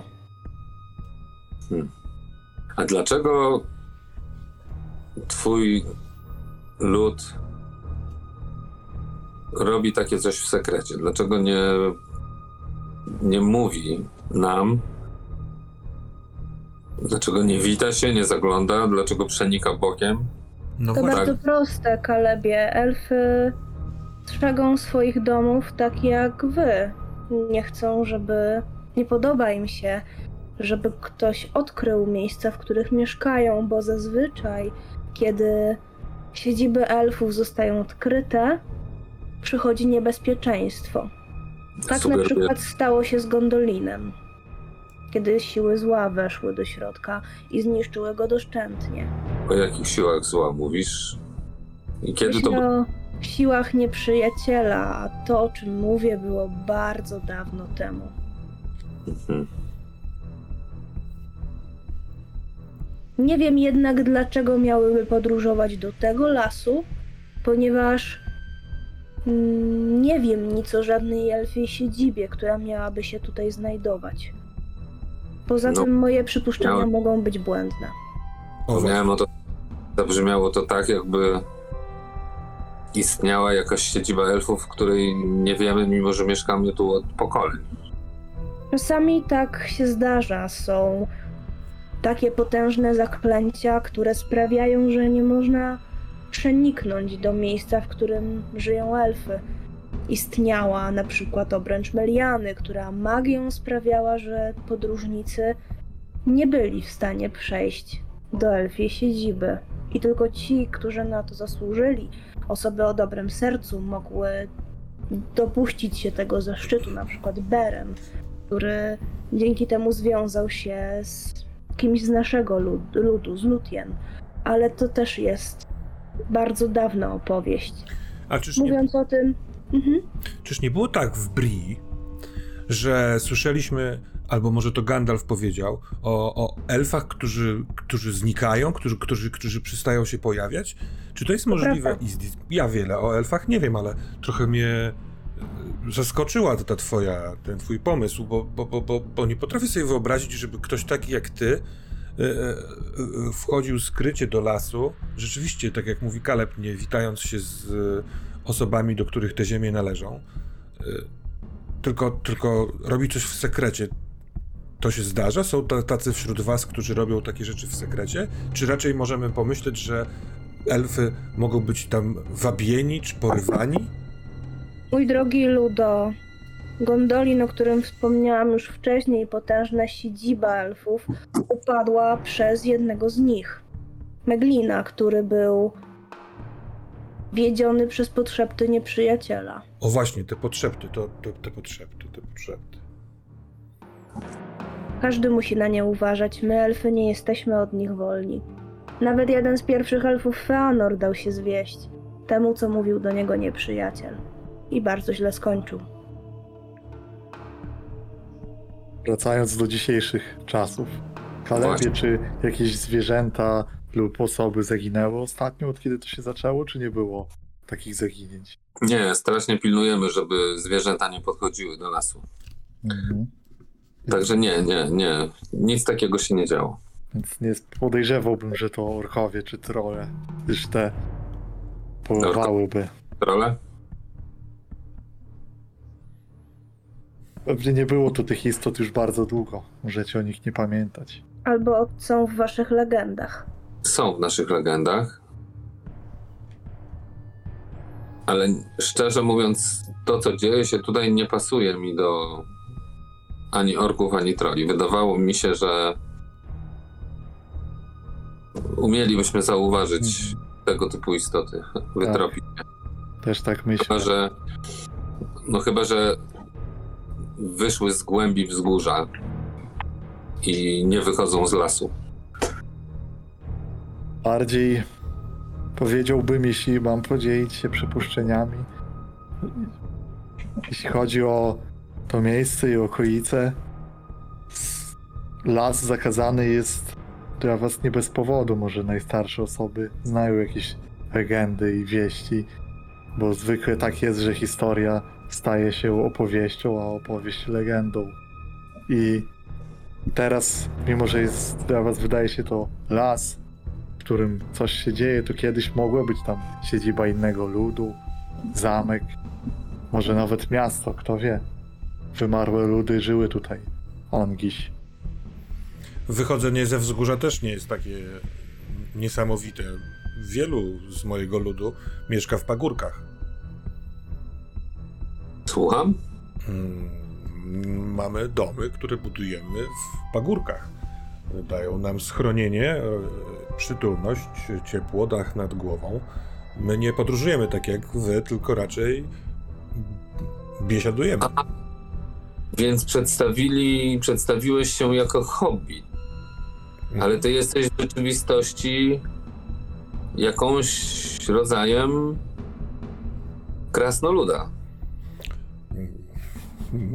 Nie, nic mi o tym nie wiadomo.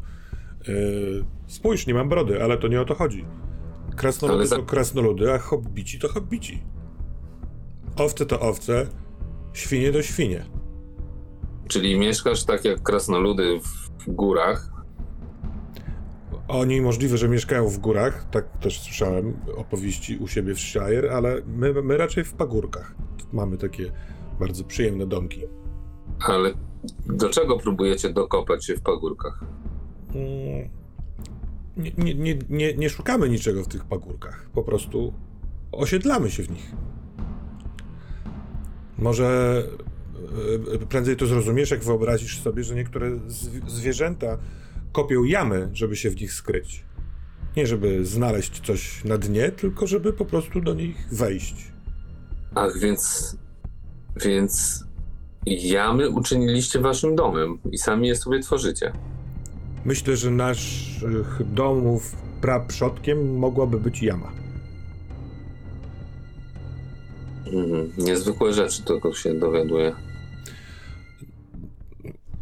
Możemy mieć wiele takich niesamowitości, zarówno z, od waszej strony. Bardzo chętnie posłucham, gdyż tak jak mówiłem, interesuję się obyczajami. Izdis także interesuje się chyba obyczajami. Adranil trudno stwierdzić, ale pewnie też. Natomiast ta sprawa jest bardzo nagląca tego lasu.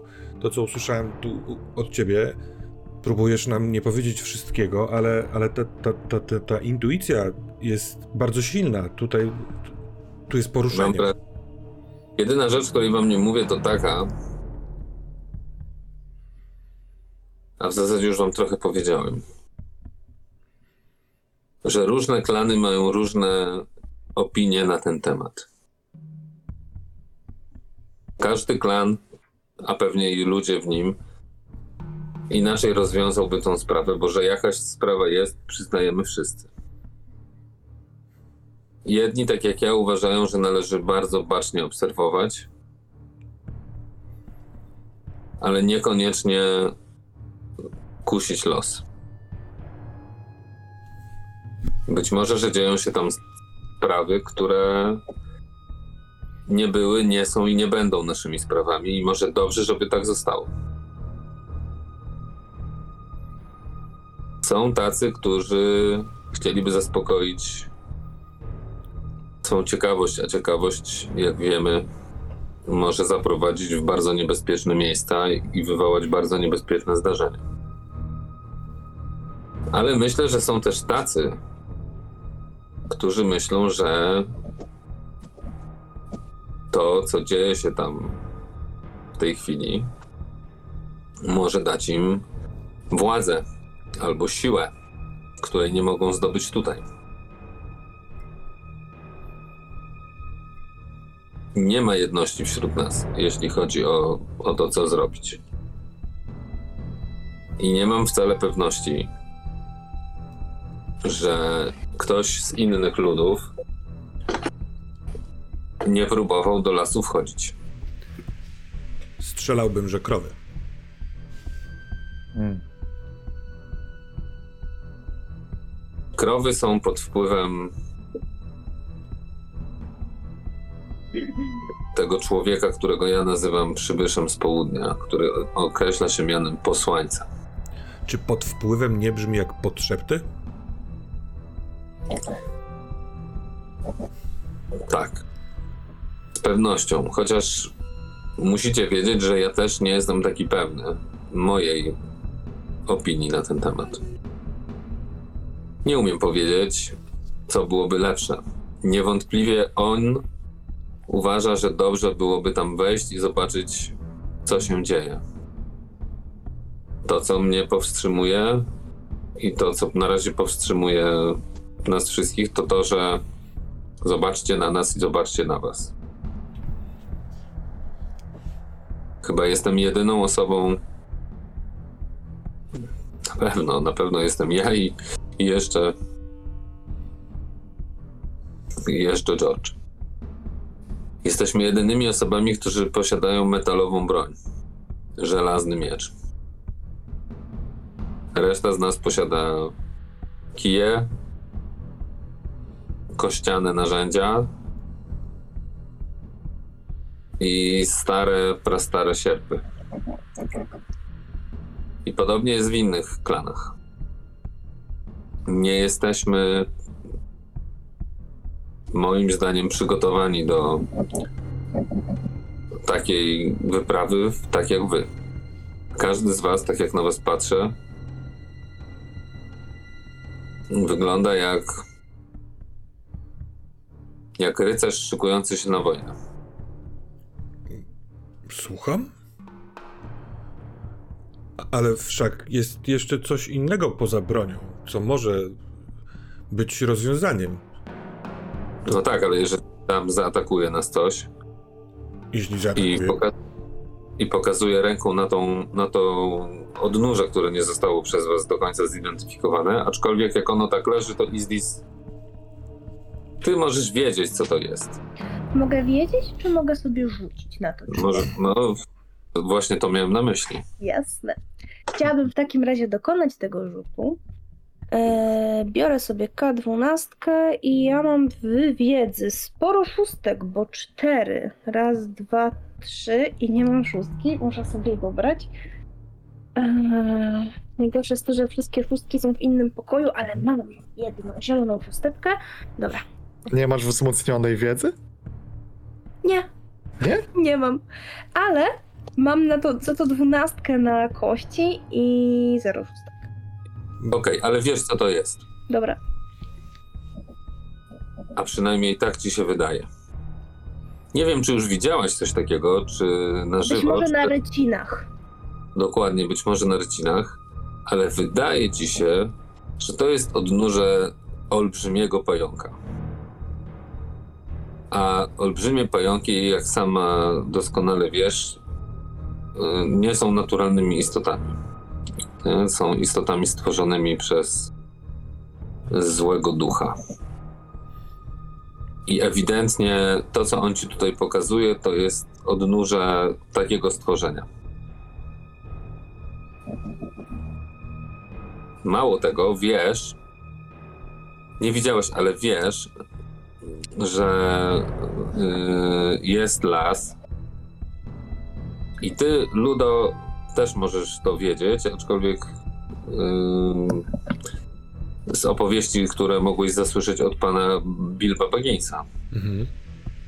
że jest y, w Śródziemiu las, gdzie mieszkają elfy, które muszą sąsiadować z wielkimi pająkami. I jest to też las, przez który nie tylko przeszła drużyna, żeby wykurzyć smoka z samotnej góry, ale też las, którym, do którego musiał udać się Gandalf, wasz y, patron, żeby y, wykurzyć zło z prastarej twierdzy y, czarnoksiężnika. Y, je- Ludo, Ludo nie, nie łączy takich rzeczy. On może ma jeszcze zbyt małą wiarę w siebie, ale opowieści pana Bilbo Bagginsa i tego rodzaju wnioskowanie to, to jest. To jest jeszcze u mnie raczej w sferze legend. To, czym ja się zajmuję pod patronatem Gandalfa, y, myślę, że mogę aspirować do poznania takich większych tajemnic, ale nawet o tym jeszcze przez chwilę nie myślę jak widzę to odnóże dziwne, to raczej jest y, dla mnie y, obmierzłe i ohydne, bo wydaje się za duże. I to w połączeniu z reakcją Caleba na całą sytuację y, sprawia, że ja czuję się w obowiązku, żeby, żeby to sprawdzić. Trochę się nie zgadzam z tą rezerwą y, w Calebie, żeby nie wchodzić do lasu, ale nie, nie powiem tego tutaj teraz, bo to nie ma, nie ma znaczenia. Ale, ale no, Calebie, a czy ty wiesz, kiedy będzie to spotkanie yy, w szopie? W zasadzie zbieraliśmy się już powoli do odjazdu. Stąd tak szybko i chętnie George przybył tutaj z wszystkimi. I jak widzicie, wszyscy zbierają się yy, właśnie dlatego, że powinniśmy powoli ruszać. Mógłbym cię jeszcze zapytać, wodzu, o radę w tej sytuacji. Czy w związku z tym, co powiedziałeś o różnym, z, różnych zdaniach wśród waszego ludu, uważasz, że powinniśmy najpierw spotkać się z matką Ann, z wodzem ludu, czy też przed zgromadzeniem wszystkich wodzów wystąpić i przedstawić swoją sprawę? Sytuacja nie jest prosta, mimo że Twoje pytanie może wydawać Ci się jasne. O ile mi wiadomo, a mam dobre źródła w tej kwestii, matka jest ciężko chora. Jest już starą kobietą. często nie jest w stanie rozmawiać w normalny sposób. W zasadzie można powiedzieć, że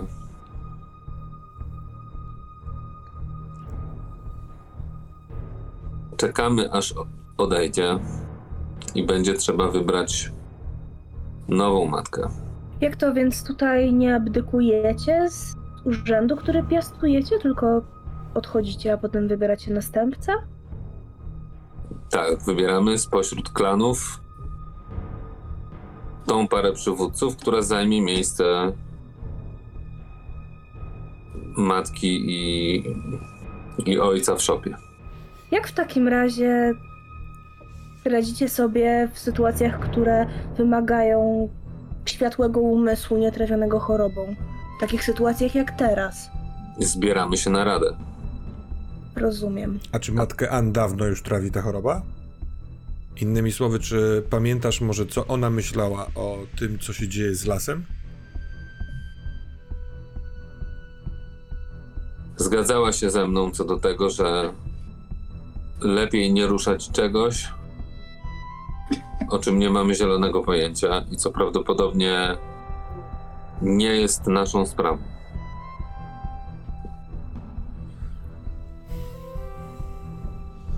Legenda o tym, żeby nie wchodzić do lasu jest prastara. W zasadzie wywodzi się od samego zarania naszego ludu. Są różne opowieści i różne legendy, ale one zawsze mówią o tym, że mieszka coś tam złego, silnego, innego. I że dopóki wiecie, to jest tak jak z gniazdem dzikich os na drzewie. Czy ulem dzikim. Dopóki nie podejdziesz nie zaczniesz szturchać kijem, albo nie będziesz chciał dobrać się do miodu, to pszczoły cię nie zauważają. Ale jak tylko chociaż lekko trącisz, to mogą uznać, że jesteś zagrożeniem. I my podchodzimy trochę do tego w ten sposób, że dopóki my nie widzimy lasu, dopóty las nie widzi nas. Możecie zauważyć taką mikroekspresję u Izdis. To jest takie mm, lekkie kręcenie głową, tak jakby nie zgadzała się z tym, co mówi Kaleb, ale ona tego nie okazuje. To jest właśnie coś, co ym, ujawnia, może dlatego to zauważacie, że zdążyliście już z nią po prostu trochę czasu przepodróżować. Ciekawe, Ludo, y, co też możesz dostrzec Izdis, on ma w drugą zupełnie stronę ruch głowy, ale oznacza to dokładnie to samo. Tak jakby sobie potwierdzał, że ten, ten, ten człowiek y, nie wie o tym, że jest też y, opowieść o wielkim śpiącym, głodnym niedźwiedziu, który kiedy się obudzi, to z głodu sam wyjdzie z lasu i będzie jadł. Może lepiej go przenieść gdzieś indziej, jak śpi. Spodziewam Takie się, że się łapiemy dzieją. spojrzenia. Tak. Tak, ale tobie, Izdis, przychodzi do głowy jeszcze jedna myśl. Tak. Że tym, co on mówi, niekoniecznie musi być jakiś taki zupełny błąd, dlatego że ty wiesz, że czasem budzą się takie duchy miejsc. I że czasem elfowie spotykali takie istoty. To są istoty, które zazwyczaj przywiązane są do tych miejsc. Nie będą ich opuszczać za żadne skarby świata, dlatego że one są jak gdyby ich magiczną emanacją. One powstały dawno, dawno temu, ale nie zawsze nawet je widać. One nie zawsze się pokazują, a czasami po prostu śpią. Ich cykl życia i jest zupełnie inny niż elfów, niż ludzi, niż krasnoludów. Ale zachowały się takie opowieści wśród elfów o takim duchu miejsca, nie? że są czasami takie istoty. One zazwyczaj śpią, czasami przepraszam, czasami nawet można je odczuć bardziej niż spotkać w niektórych miejscach. Yy, ale czasami dochodzi do tego, że te istoty się budzą i ty znasz elfy, które miewały takie spotkania w przeszłości. Więc być może z ich punktu widzenia yy, to, wiesz, może jest jakieś ziarenko prawdy, które ktoś im kiedyś powiedział, być może przeczuwając albo wiedząc o co tu może chodzić, a jednocześnie nie chcąc ich tam nie albo może sami sobie to przekształcili, może kiedyś w tych ich legendach było coś takiego, ale to zamieniło się w zupełnie inną opowieść. Wiadomo, że lud zawsze swoje mądrości w jakiś sposób przekształca i jest w nich zawsze pewne ziarno. Y, W tym momencie Izdis jednak czuje pewien rodzaj niepokoju przed wizją pająków. Ma przed oczami historię o drzewach Walinoru, które zostały przez taką istotę zgładzone. Więc no, to, to uczucie niepokoju, trochę przeradzające się w lekką panikę, wzrasta. E, Ona już nie słucha, co on do niej mówi, mimo że patrzy na niego, kiwa głową co jakiś czas. Wy jesteście w stanie zaobserwować, że dla niej to już jest wszystko, co chciała wiedzieć. Ona już podjęła pewne decyzje. Może No cóż, zobaczmy, co z Persim. Czy, czy, czy mu się polepszyło, czy oby tak. Y, I w takim razie, jak będziecie gotowi, to ruszajmy do szopy. Czy stodoły? Do szopy. do szopy. Shop. No. Sprawdzacie jeszcze Persiego, zanim udacie się na spoczynek. On, jego stan faluje. Są momenty, gdzie ta, gdzie ta gorączka mu trochę wzrośnie, on wtedy znowu zaczyna coś tam szeptać w jakimś dziwnym języku.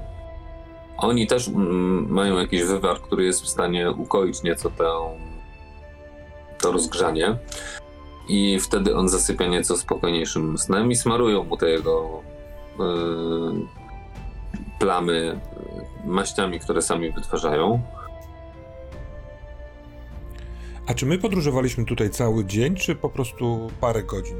Innymi Pół słowy, czy my będziemy jeszcze dzisiaj przed zmierzchem podróżować, czy tu będziemy... Nie, oni, nie, oni, ty widzisz, że jeszcze doszła jedna grupa z owcami, także to Mhm, tak, rozumiem, zbierają się. tak, oni w zasadzie już się pewnie zebrali. To można wysłuchać, jak już skończy się ta oficjałka i, yy, i może też sobie pochodzicie do Persiego gdzieś z powrotem, bo on został ułożony w innym e, namiocie, gdzie tam ktoś od niego dba po prostu. Yy, No to widzicie też bardzo często że oni są wami zainteresowani, ale też między sobą rozmawiają. To znaczy widać, że oni się nie widzieli przez czas jakiś wszyscy. To jest dla nich też jakiś moment spotkania. Może nie, że tam po jakimś super długim czasie, ale na pewno po dniach czy tygodniach. I wszystko ewidentnie tutaj jest y, już przygotowane do wymarszu. Nie? Czyli oni się prześpią, zwiną temat i rano będą szli w stronę tej szopy. A co byście powiedzieli na to, żebyśmy we troje y, usiedli sobie gdzieś z boku, tam gdzie żebyśmy mieli jakiś bardzo ładny widok na może zachodzące słońce i y, przy zapalonej fajce omówili sobie, co my chcemy na ty, w tej szopie, jaką celowością się kierować. O ile pogoda ładna, to gdzieś na świeżym powietrzu znajdujemy sobie może jakieś kamienie, jakieś kłody albo po prostu trawę.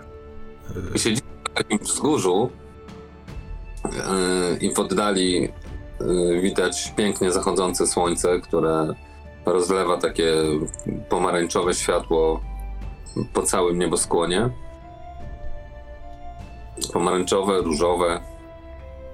I też w tym samym kierunku, gdzieś daleko, daleko majaczy to wzgórze, o którym tyle rozmawialiście. Więc siedząc tam i rozmawiając, macie je jak na dłoni. Rozległe, yy, wznoszące się wysoko ponad yy, powierzchnię wokół. Jest ocienione, ale, ale w przeciwieństwie do tych pagórków, które są wokół, jest takie jakby zmierzwione. Yy, ten las ewidentnie porasta całość tego, tego wzgórza i, i trudno przeniknąć, co tam może się pod sklepieniem zieloności znajdować.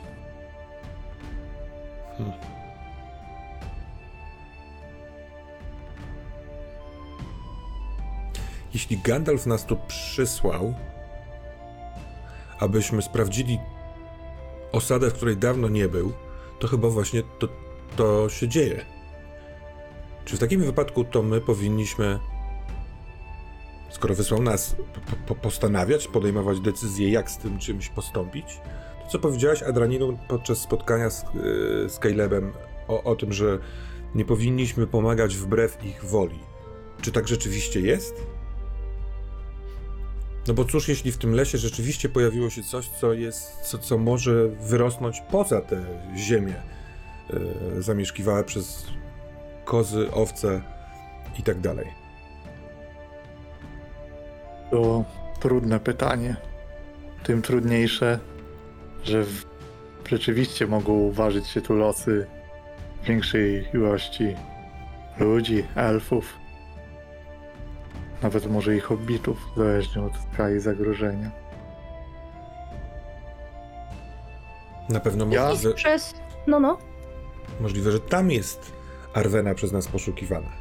Przecież musimy ją odnaleźć, niezależnie od tego, czy Caleb Owca będzie tego chciał, czy też nie. Miałem nadzieję uzyskać wsparcie i informacje miejscowych w tym Mhm. temacie. Też nie zrozumcie mnie źle. Nie chcę krytykować naszej rozmowy z nim, ale wydaje mi się, że trzeba czasem w przyszłości uważać nawet nie na to, czym się dzielimy, a w jaki sposób. Nie chodzi mi o to, żeby ukrywać coś przed gospodarzem, ale Ci to są prości ludzie, którzy za nic mają sprawy wielkiego świata. Mówienie im o czarodziejach, nieprzyjacielu, dawnej historii. Skończyło się tym razem dobrze, ale znam zaściankowe miejsca, w których zostalibyśmy wyrzuceni, uznani za szaleńców, którzy przynoszą tutaj jakieś wielkie niebezpieczeństwo. Tak jak Izdis mówię, to nie ma być krytyka. Jest milcząca. E, Widzi, że kierujesz te słowa głównie w jej stronę, bo to ona wysypała się z- ze swoją typową naiwną szczerością, e, wierząc, że oni przecież zrozumieją, bo wszyscy zawsze rozumieją. A kiwa tylko głową na twoje słowa i marszczy brwi, kiedy mówisz o tej przestrodze, zresztą bardzo mądrej.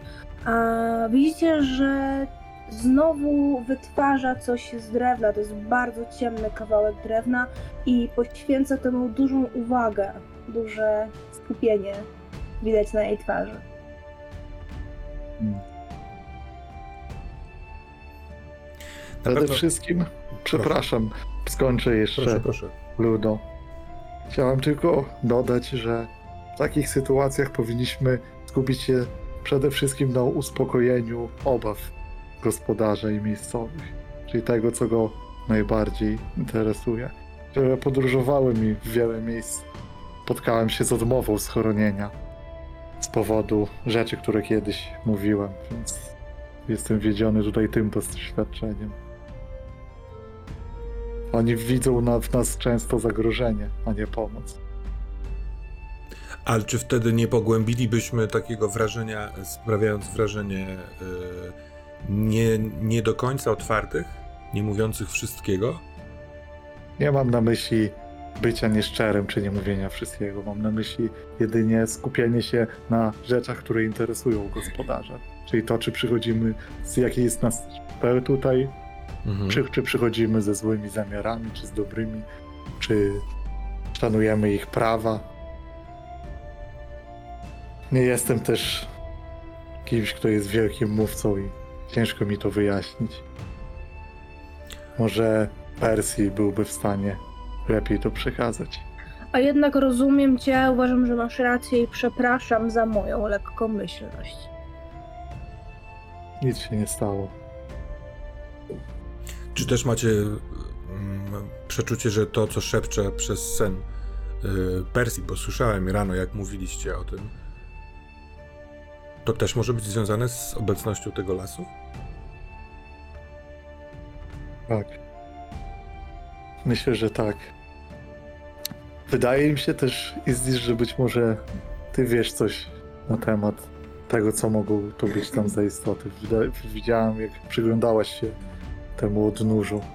Ja nie spotkałem niczego takiego. Ja też na żywo nie, ale lęk, którym mnie to odnóże napawa, sprawił, że nie powiedziałam niczego przy naszym gospodarzu, bo obawiam się, Wiesz, co to jest? wydaje mi się, że to odnóże należy do wielkiego pająka. Podobne mieszkają w mrocznej puszczy. Ale też za górami. To nie, to nie jest... Ciekawe, tam też żyją elfy leśne, które z takimi pająkami muszą się zmagać. No ale to skoro to jest odnóże, no przecież to w takim razie tam są zmagania. No pająki nie gubią nóg odnóży same z siebie. Więc może, Słuszna uwaga.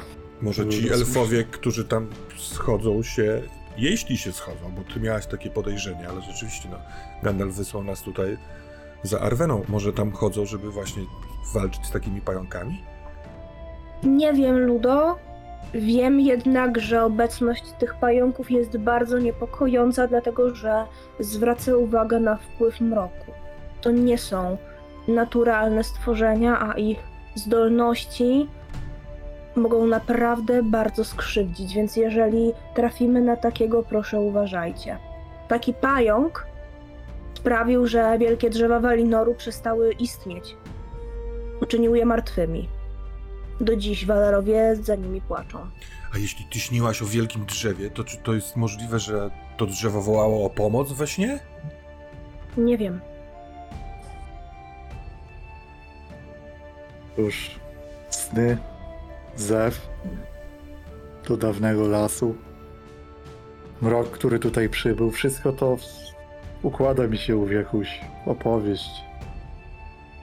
Być może. Mm, Być może elfy, które rzeczywiście, tak jak podejrzewałaś, Izdis, przebywały tutaj elfy, które też odpowiadały na ten zew, na sen, na wołanie. To by tłumaczyło, czemu osoba, której szukamy, by tutaj mogła trafić. Mam jeszcze jedną teorię związaną z takimi bytami, które elfowie nazywają duchami miejsc. Takie duchy czasami budzą się ze swojego snu, by wpłynąć na to, co dzieje się dookoła. Ale jaka rola jest ich tutaj i czy w ogóle się tutaj znajdują, nie wiem. Pomyślałam o tym, kiedy Kaleb mówił o ulu, którego nie warto dotykać. I że jednak w tym ulu są pająki z mrocznej puszczy, to ci ludzie mogą być w niebezpieczeństwie.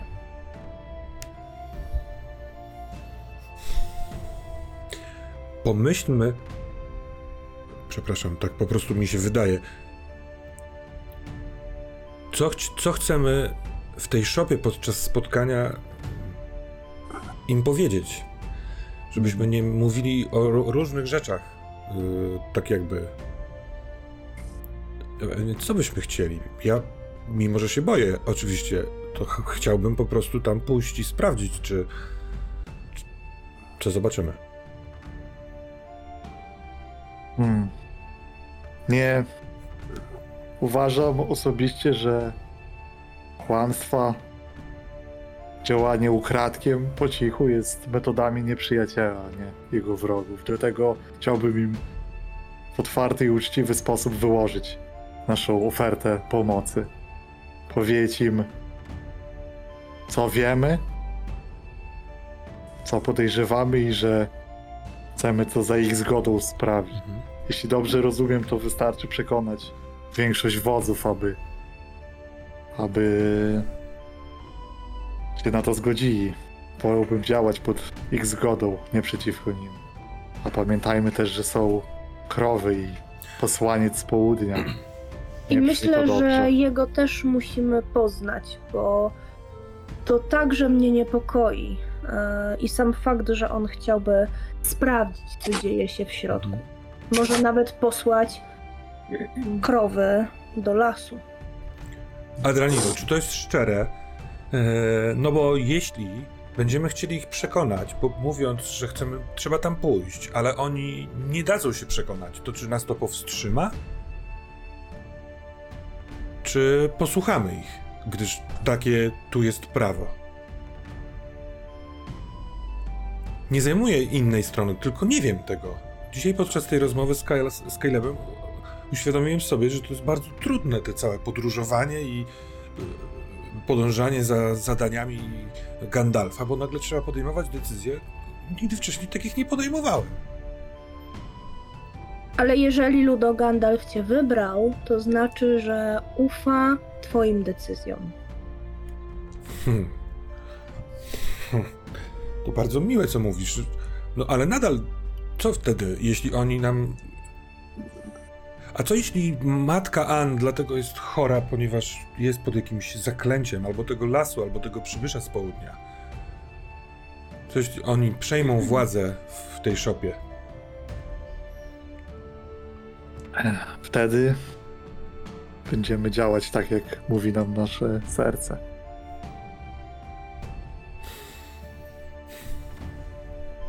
Myślę, że jeszcze nie poznaliśmy wszystkich okoliczności. Mhm. Powiedzmy, tak jak mówi Adranil, szczerze, co im oferujemy? Spotkajmy się z matką, spotkajmy się z posłańcem i wtedy podejmiemy decyzję.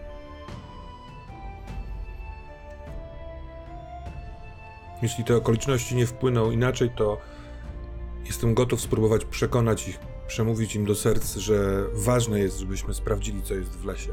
To nie musi oznaczać od razu, tak jak to mówił Caleb, obudzenia tego gniazda szerszeni czy innych os.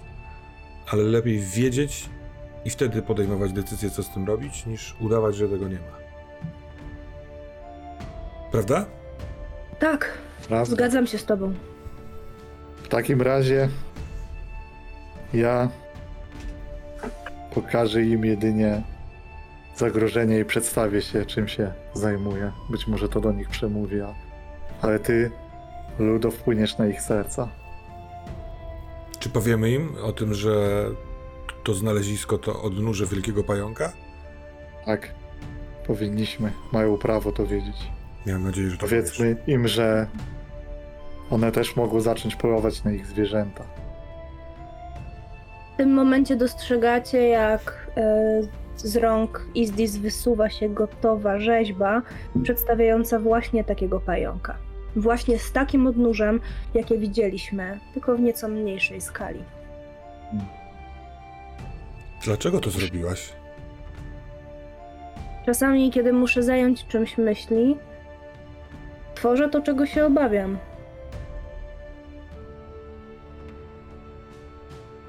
Myślałem, że, że kiedy wytwarzamy jakieś przedmioty, które mają być tylko miłe dla oczu, to one są, one są miłe. Może jeżeli zobaczą, czym mogą mieć do czynienia, poślą nas do lasu, żebyśmy to zgładzili. Jeżeli będziemy w stanie. Tu przekazuję pająka Adranilowi. Uff, Zrób z nim co uważasz. Jeżeli wrzucisz go do ognia, też dobrze. Nie jestem osobą zdolną do takich dramatycznych gestów. Ale pół uśmiechu gdzieś jest na tej twarzy, ponurej zazwyczaj. Istis, widziałaś? Uśmiechnął się. To niecodzienne? A, a, a ile naliczyłaś do tej pory? Zero? Nie, przepraszam, jeden. Był jeden. Mam nadzieję, że nie, nie rozpoczyna się jaka, jakaś choroba, ta co trawi też Persiego. Bo, bo, bo, bo, bo zachowuje się anorm, anormalnie. Sprawdzę co z koniem. Z Witsem. No i tak, udajmy się też chyba na spoczynek. Musimy być wypoczęci przed tą rozmową. Ludo, chciałabym jeszcze cię poprosić o jedną rzecz. Ona Tak? odwlecze się w czasie, ale marzę o tym, odkąd cię poznałam. Czy udałoby ci się pokazać mi miejsce, w którym mieszkasz? Jestem ciekawa tych pagórków i waszych domków. To musi być piękna społeczność. Będę zaszczycony. Oczywiście. Dziękuję. Ja też. Och, ja. I zanim zbierzecie się do spania, to przychodzi jeszcze do was dziewczynka, którą dobrze znacie. Znaczy dobrze, to może szumnie powiedziane, ale poznaliście. Rufan. Witam. Dobry Patrz, wieczór. no jakby malutka przy was. No może nie przy wszystkich, ale przy większości z was.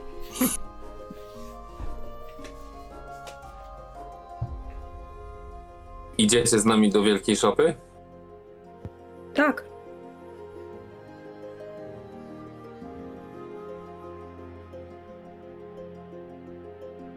Nie powinnam, ale myślę, że powinniście to zobaczyć. Co mamy zobaczyć? Tylko nie możecie nikomu powiedzieć, że to macie ode mnie. Obiecujemy. I gdzieś to mówi Tak. bez wahania i mówi szczerze. Ja nic o tym nie wiem.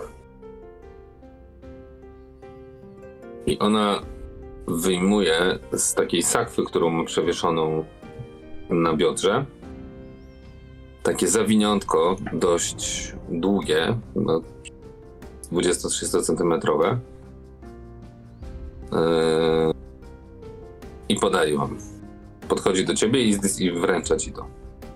I to jest kawałek materiału, Taki zwykły, jak, jakiego byś się tutaj mogła spodziewać. Ewidentnie wytwór owiec, ale w środku ma też, że to jest coś twardego. I jeżeli to otworzysz, to widzisz, że to jest pięknej roboty elficki miecz. Nie, nie miecz, przepraszam, tylko sztylet. Patrzę na dziewczynkę, bardzo zdziwiona. Wiesz, co to jest? Dał mi to Jerry. Zanim to się stało. Czy mówił skąd to ma? Powiem wam, ale nie możecie powiedzieć, że ja wam to powiedziałam. Przysięgam, że nie wyjawimy tej tajemnicy, a przysięgi elfów są naprawdę wiążące. Oni potajemnie chodzili do lasu. Jerry i kto jeszcze? Thomas? Tak, Tomas. I tam znaleźli ten sztylet.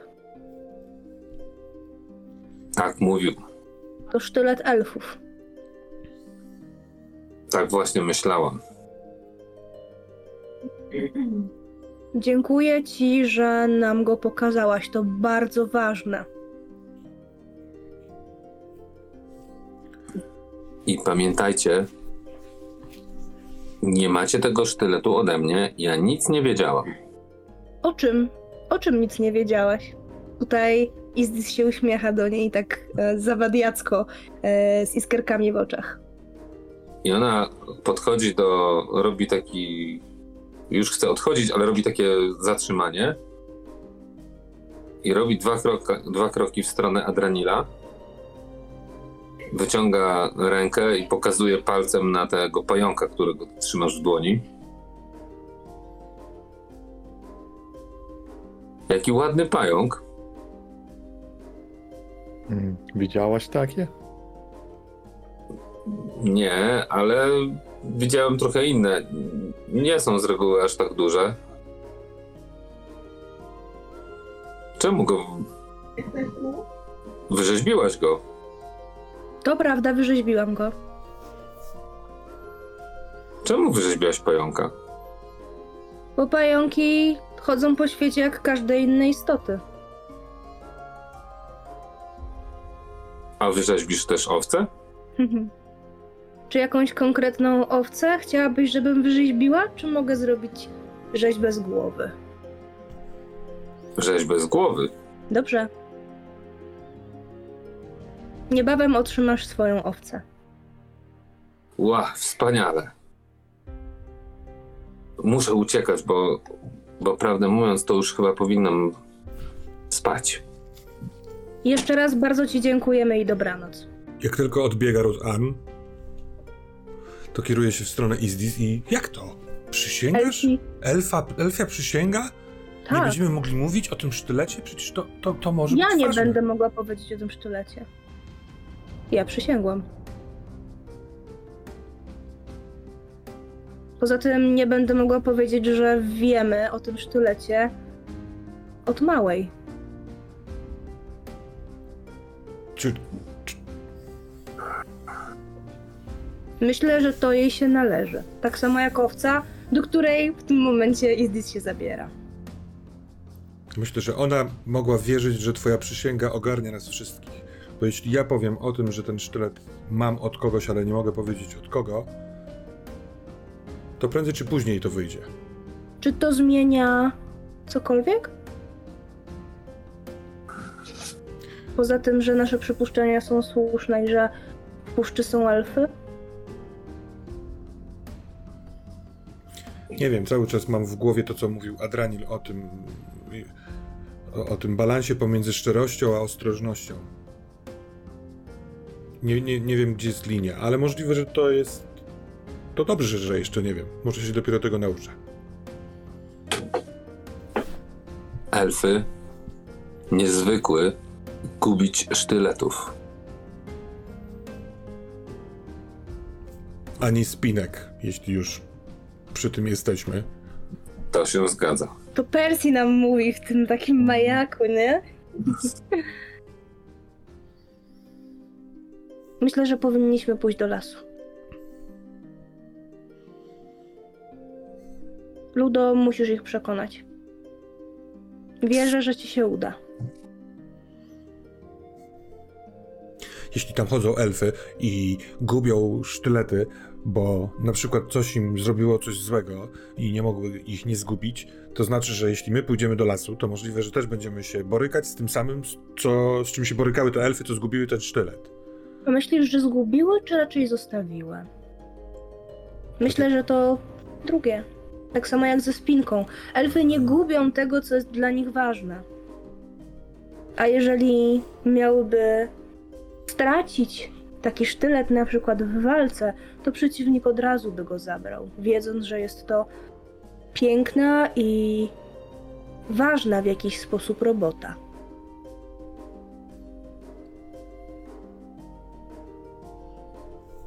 Dobrze, to mnie trochę uspokaja. Czyli elfy pokazują nam, że tam są i możliwe, że potrzebują pomocy, bo, bo muszą zostawiać sztylet.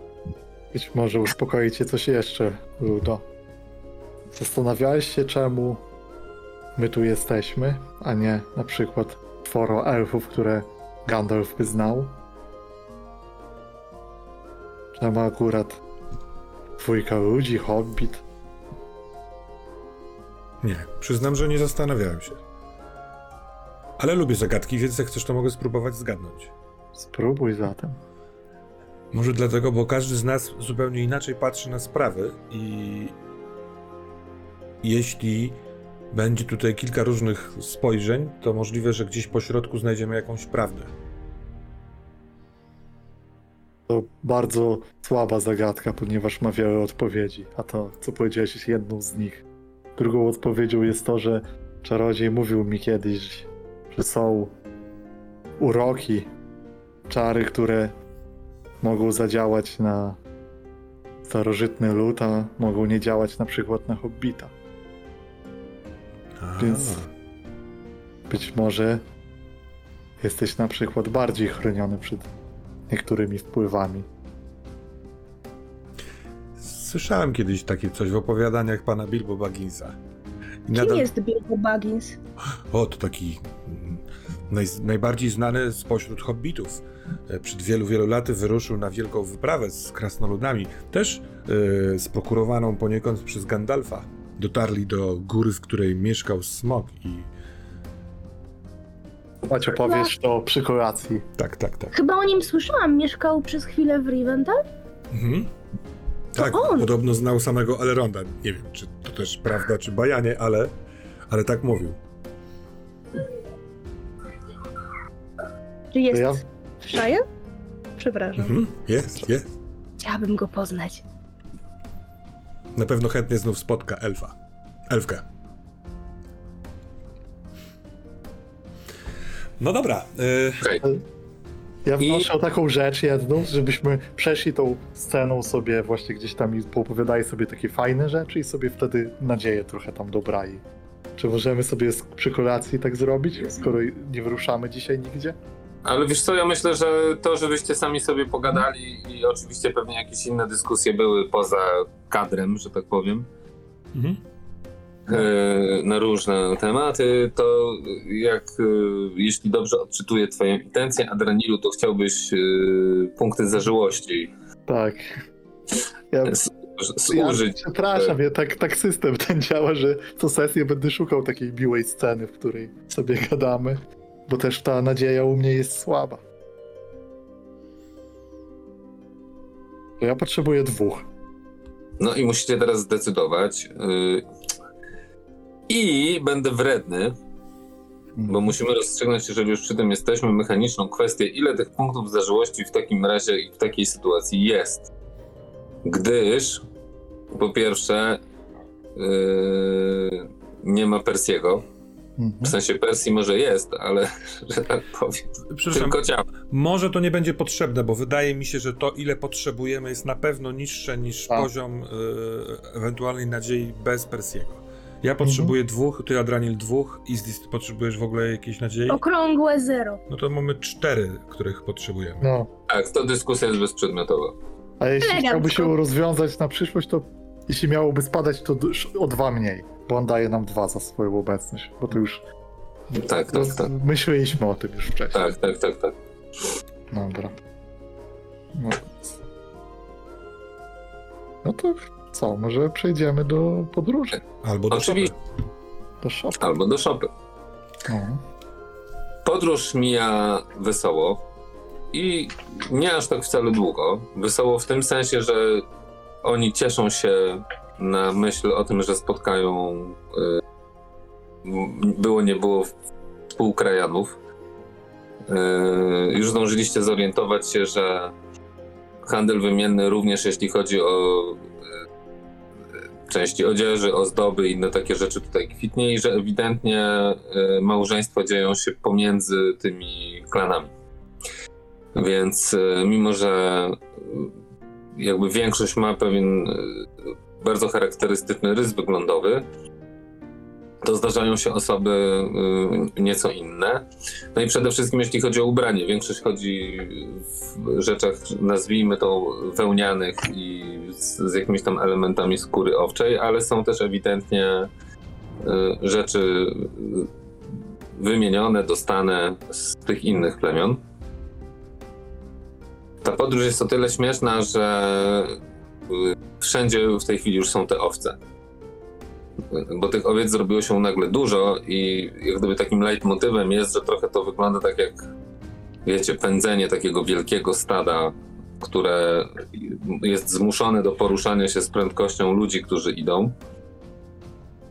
Większość podróżuje oczywiście, no wszyscy w zasadzie podróżują piechotą, poza Persim, który jest wieziony na y, tym toboganie zawieszonym za owcami i, ta, i tam właśnie większość ich dobytku również y, spoczęło.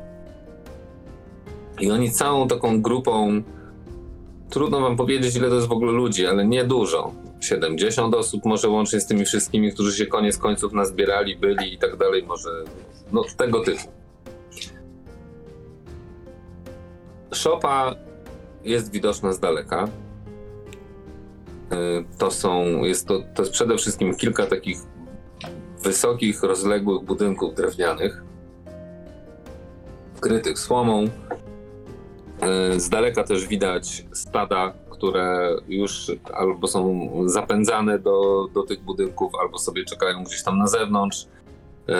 zaczynają się też płoty, coś czego do tej pory nie widzieliście, bo oni nie stosują u siebie jakby ogrodzeń, sami pilnują te zwierzęta, natomiast tutaj z daleka już widać, że y, konie, kozy, krowy są pozapędzane do, y, za, do, zagród w tych budynkach, ale, ale jakby do takich miejsc otoczonych płotami wokół y, i wszystko to jest na takim okręgu, w którego środku jest dosyć duży dziedziniec, nie? Okolony tymi szopami i tymi mm, ogrodzonymi wybiegami dla tych zwierząt. A na jego końcu samotnie stoi kolejna szopa, która wygląda dokładnie tak samo jak ta dla zwierząt, ale tam żadnego zwierzęcia nie uświadczysz. Jest szeroko otwarte wejście, to już widać z daleka. I dosyć dużo ludzi się tam kręci różnego autoramentu. Jak wjedziecie pomiędzy te budynki i ci owczarze wasi bardzo szybko wiedzą, są kierowani, yy, gdzie te owce mają się znaleźć, wszyscy wiedzą, gdzie, jak to ma się dziać. I w końcu dochodzicie sami na ten yy, dziedziniec yy, i widzicie, że ta ostatnia szopa to jest po prostu, no, to ciężko to nazwać jakoś w ten sposób, ale jedyne, co wam przychodzi do głowy, to jakiś pałac albo zamek. Chociaż oczywiście nie ma tu ani murów żadnych obronnych, ani nic w tym stylu. Natomiast jest to ewidentnie siedziba yy, jakiejś najbardziej znamienitej persony. Tam jest mnóstwo ludzi. Mnóstwo ludzi też przygląda się wam, nawet oczywiście wytykają was palcami, yy, witają się między sobą, słychać yy, muzykę yy, fletów, słychać yy, bębny, które gdzieś tam grają, jest, są ogniska porozpalane, ludzie tańczą, śpiewają. Wszystko to żyje. To jest olbrzymi obóz tak naprawdę na paręset osób. Yy, one wszystkie, wiecie, na pierwszy rzut oka wydawać by się mogło, że jest tam dużo chaosu, ale, ale zawsze widzicie, że oni doskonale wiedzą, gdzie są, znają to miejsce. Aczkolwiek nie ma tutaj więcej budynków. Yy, Jest mnóstwo namiotów porozstawianych wokół tego, wokół tej szopy, na jej tyłach, tej, te, tego, tej szopy pałacu, nazwijmy to. Yy, Natomiast jeszcze jedna rzecz, która wam się rzuca w oczy, ale ona jest jak gdyby zupełnie po drugiej stronie, także nie mijaliście tego, to są pola. I to jest pierwszy raz, jak tutaj widzicie jakieś pola uprawne, Yy, ale to nie są zboża, tylko to są raczej warzywa. Nie takie pola ogrodowe, nazwijmy je, z braku lepszego określenia. I zanim cokolwiek właściwie się stanie, to już widzicie yy, mężczyznę, który odróżnia się od wszystkich yy, tych, którzy są tutaj wokół, bo jego strój jest bardzo zbliżony do tego, w czym wy chodzicie ubrani. Yy, a więc ma na sobie, no nie ma zbroi. Natomiast miecz ma przypasany u boku. Yy, ma taką długą szatę. Yy, brodę, yy, które tutaj się mniej spotyka, taką długą, wypielęgnowaną. Jest ewidentnie człowiekiem yy, o takich czarnych włosach i właśnie czarnej przetykanej siwizną brodzie, jasnych oczach. On podchodzi do was. Witam, witam. Mm, Widzę, że nie tylko mnie przywiało do tego zapomnianego miejsca. Jak wam się tu podoba i, i, i kim jesteście? Ja jestem Torbret. I jak pewnie słyszeliście, jestem posłańcem z południa. A przynajmniej tak mnie tutaj nazywają. Jam jest Ludo Cleverfit Hobbitshire. To jest e, Izdis o białych dłoniach, a to Adranil. Jest jeszcze z nami wspaniały człowiek z miasta Bri, Persji Polen Road, ale za nie mógł. Biedaczek. Czyli można powiedzieć, że przybywacie dla odmiany z północy. Mm, trochę tak, a trochę z zachodu.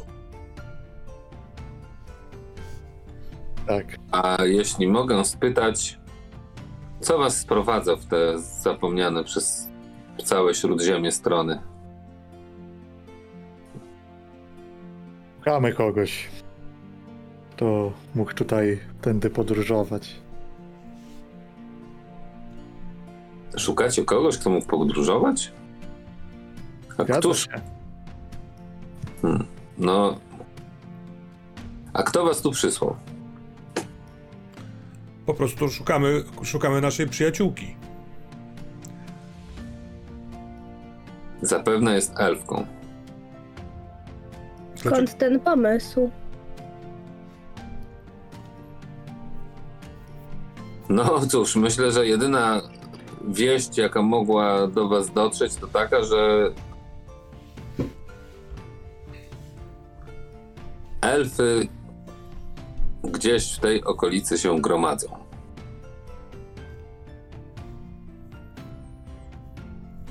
I pewnie to was tu przywiodło. Ty w takim wypadku wiesz coś więcej może o tych? Spotkałeś tutaj elfy rzeczywiście, czy te pogłoski są nieprawdą? Jestem tu już od jakiegoś czasu.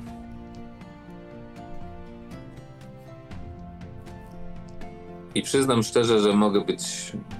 Mogę uznać, że jestem w zasadzie pewny, że jakieś elfy przenikają do tego lasu na wzgórzu. On się tak patrzy na to wzgórze, bo ono jeszcze się przybliżyło. Ta szopa jest jakby jeszcze bliżej. To wciąż jest gdzieś tam, hen.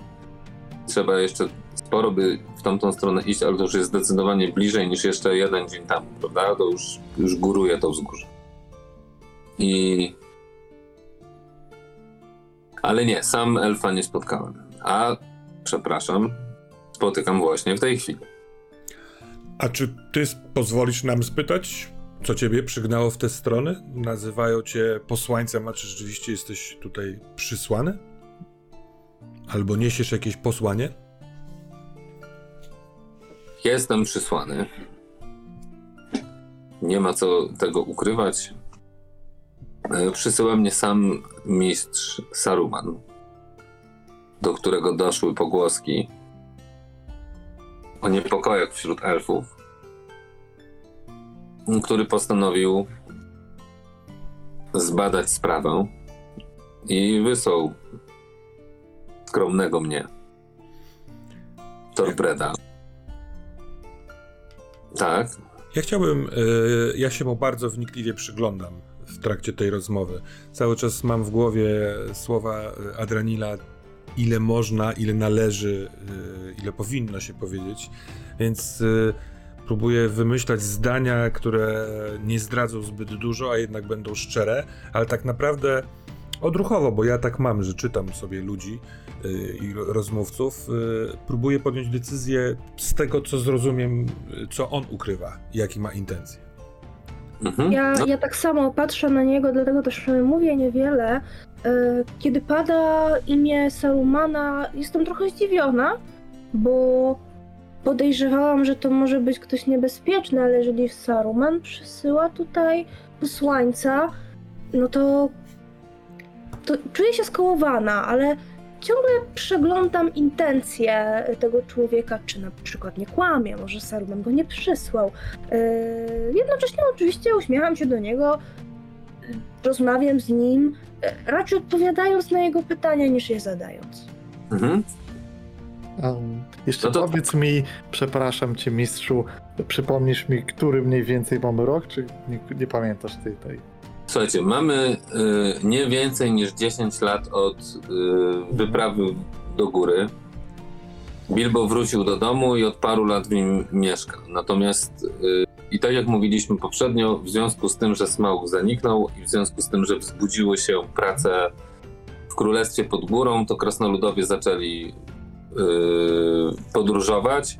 A w związku z tym, że gobliny zaznały druzgocącej klęski, no to też te szlaki przez góry mgliste, yy, a w zasadzie szlak przez góry mgliste, jest na ten moment otwarty i da się przez niego relatywnie bezpiecznie przechodzić bez obawy, że napadną nas gobliny.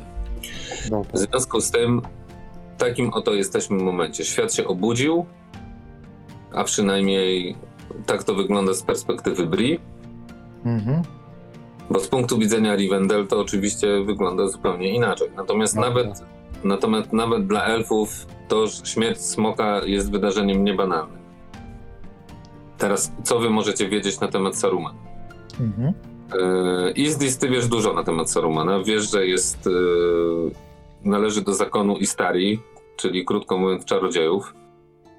Yy, wiesz, że aktywnie uczestniczy w zebraniach właśnie Białej Rady, do której należy między innymi też Galadriela na przykład. Yy, też wiesz, i myślę, że strażnik, ty, strażnicy też o tym wiedzą, że w trakcie wyprawy krasnoludów e, Torina Dębowej Tarczy i Bilba Bagginsa na Smauga e, Gandalf, e, znaczy oni rozmawiali ze sobą, ta Biała Rada, co zrobić z cieniem, który pojawił się w Mrocznej Puszczy. Gandalf tam poszedł Mhm. i, i po prostu przegonił. Oni się bali, że tam będzie Yy, znaczy wykryli, że tam prawdopodobnie odradza się Sauron, a Sauron koniec końców nie podjął walki, uciekł stamtąd do Guldur. I, czyli ze swojej starej twierdzy i odrodził się w Mordorze. Mhm. Yy, więc Co Sauron ma w zwyczaju w ogóle. jak to Sauron ma w zwyczaju, dokładnie. Więc z waszej perspektywy Saruman jest członkiem Białej Rady, jest normalnie stary, nie jest, yy, natomiast w przeciwieństwie do Gandalfa, który przypominam jest Gandalfem szarym na ten moment, e, sam nieczęsto i niechętnie oddala się z Isengardu, natomiast wiadomo, że on też e, ma, nazwijmy to, swoich ludzi, którzy działają jakoś tam na jego rzecz, zbierają informacje i tak dalej, i tak dalej, nie? To ty Izdis to wiesz, nie? Że, Myślę, że w takim razie, y, usłyszawszy, że jest posłem y, Sarumana, skłaniam się i mówię z głową w ogóle do ziemi, y, twarzą do ziemi, że to jest zaszczyt poznać wysłańca przywódcy Wielkiej Rady. Och, ja próbuję ukryć zaskoczenie, bo myślałem, że my tutaj badamy się nawzajem, a tutaj Izdis idzie w ukłony. Y, I ja wcale nie tracę czujności. Nie, nie, nie znam tych niuansów, ja chcę go przeniknąć. Dobrze. I jeszcze zanim rzucimy te rzuty, to. Yy...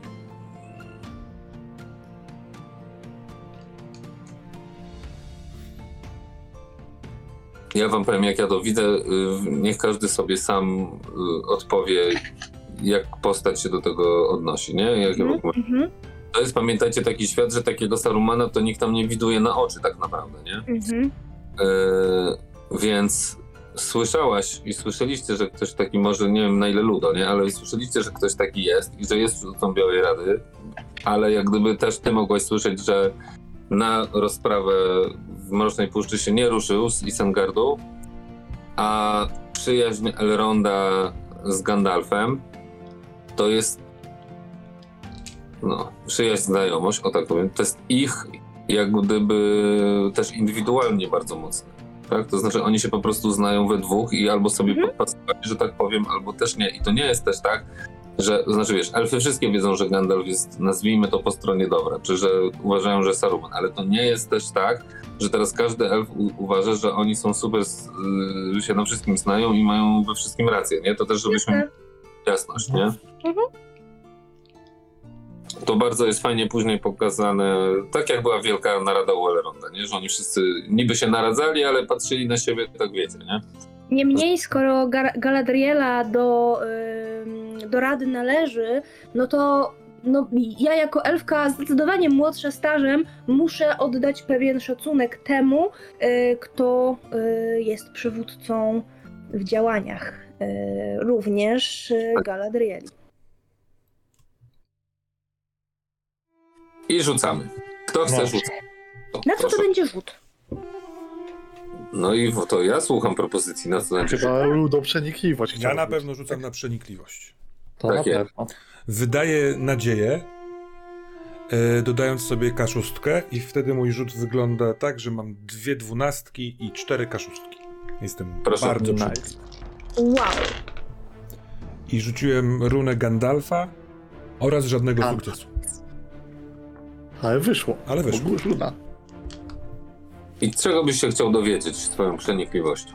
E, Ja bardzo chcę widzieć, wiedzieć, czy on, y, on sprawia wrażenie pogodnie nastawionego, otwartego y, człowieka, pyta nas o nasz cel, opowiedział nam o swoim, ale chce y, sprawdzić, czy to jest szczere, czy, to, czy on czegoś nie ukrywa. I to nie, że ukrywa, bo ma jakieś tam swoje sprawy prywatne, tylko czy tutaj w tym y, otoczeniu on y, czegoś nie miesza. Ja na przykład do tego momentu byłem niemal przekonany, że on wpływa na te krowy w taki sposób, że na przykład Tomas, młody Tomas, poczuł moc. Ten wczorajszy przyniesiony sztylet może trochę to zmienił, ale ja tak o tym do tej pory myślałem. Więc szukam śladów czegoś takiego. Pierwsze co wiesz i co jest dla ciebie oczywiste patrząc na niego, to to, że on sobie buduje pozycję w rozmowie z wami. Jesteś przekonany, że on się tutaj czuje może nie super mocno, ale pewnie tutaj w tym y, miejscu. Już jest jakoś usytuowany wśród tych ludów i zdobył sobie wśród nich jakąś tam pozycję. W związku z tym korzysta z pozycji zarówno tego, że jest wysłannikiem Sarumana, jak i tego, że czuje, że on już tutaj ma coś do powiedzenia i on masz wrażenie, że to jest taka zagrywka, że on jedzie szczerością, yy, ale też po to, żeby sobie was Mhm. rozpoznać i ustawić yy, jakoś tam, nie? Mhm. Ewidentnie swoje cele, których w gruncie rzeczy nie wyjawił. Nie? A na przykład, czy są one niecne, a w sensie takie dosyć bezwzględne wobec tych ludzi? Takie coś się da odczytać, czy nie?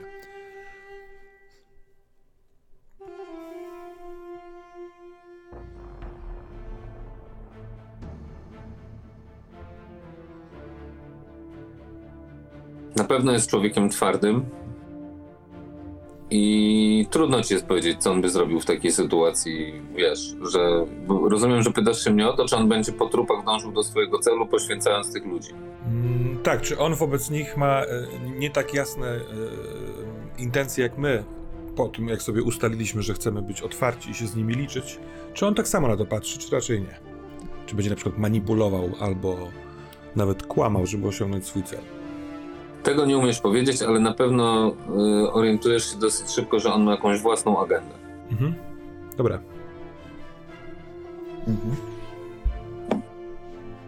Ktoś jeszcze przenikliwuje albo coś robi? Ja bym chciała właśnie przenikliwnąć. Nie wiem, co Adranil życzy. Życzy? Ja nic nie życzę. Nic nie życzysz, to ja przenikliwość też chciałabym przetestować, dlatego że nie widzę nic e, innego, a patrzę na niego też trochę z pozycji. mm, O ile Ludo bada ludzi jakimś takim swoim byciem, doświadczeniem w relacjach interpersonalnych, Izdis chce go zbadać pod kątem e, czucia i wiary. E, przejrzeć go pod takim kątem, czy on jest po pierwsze szczery, a przede wszystkim, czy on jest dobrym człowiekiem.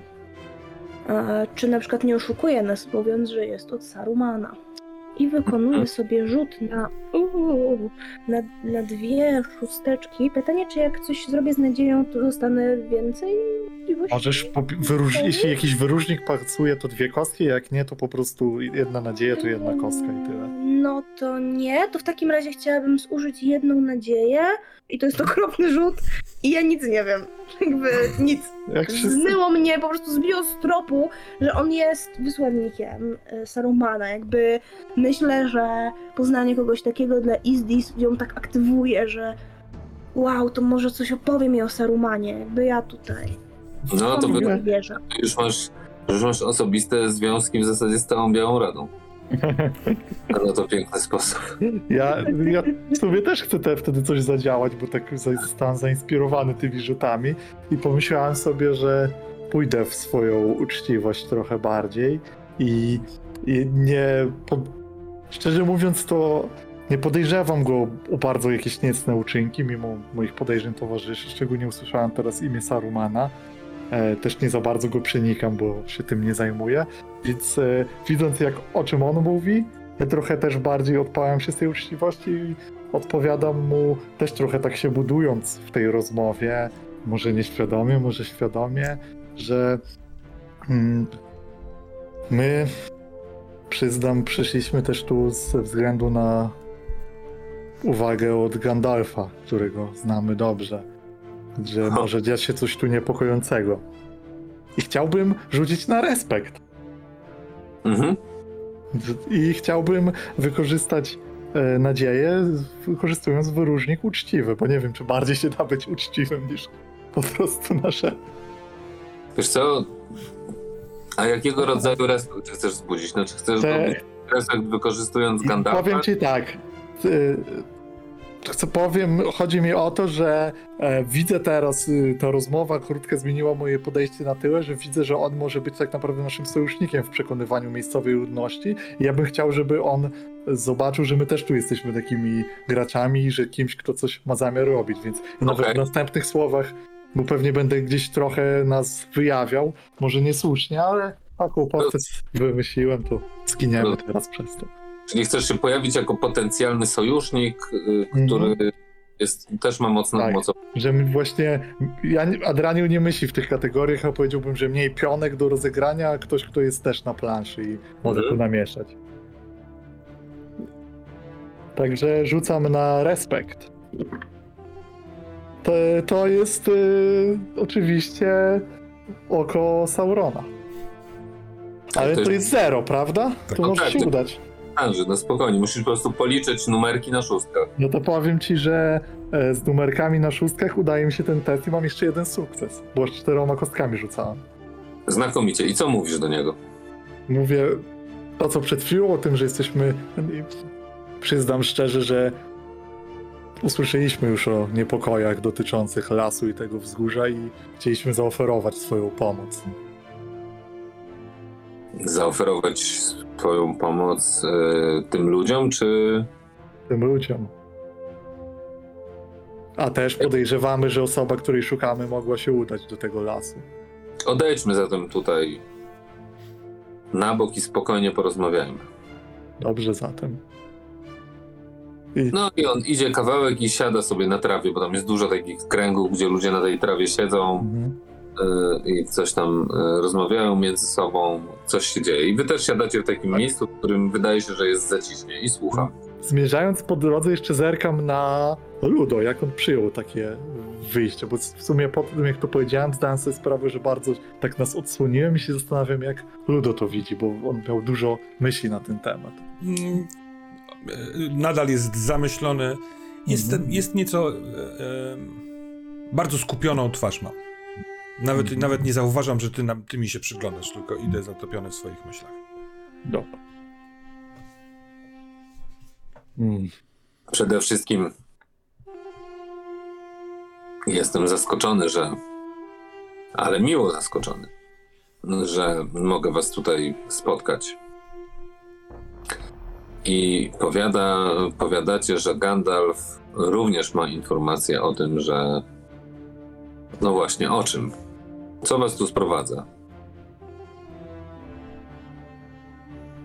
Mm. Prawda jest taka. A, nie, milczę. Proszę, mów. Ludo. Ja milczę. Mi się wydaje, że kieruje nas tutaj przeczucie. Przeczucie Gandalfa albo przeczucie, które słyszał Gandalf od kogoś stąd. Albo może od elfów.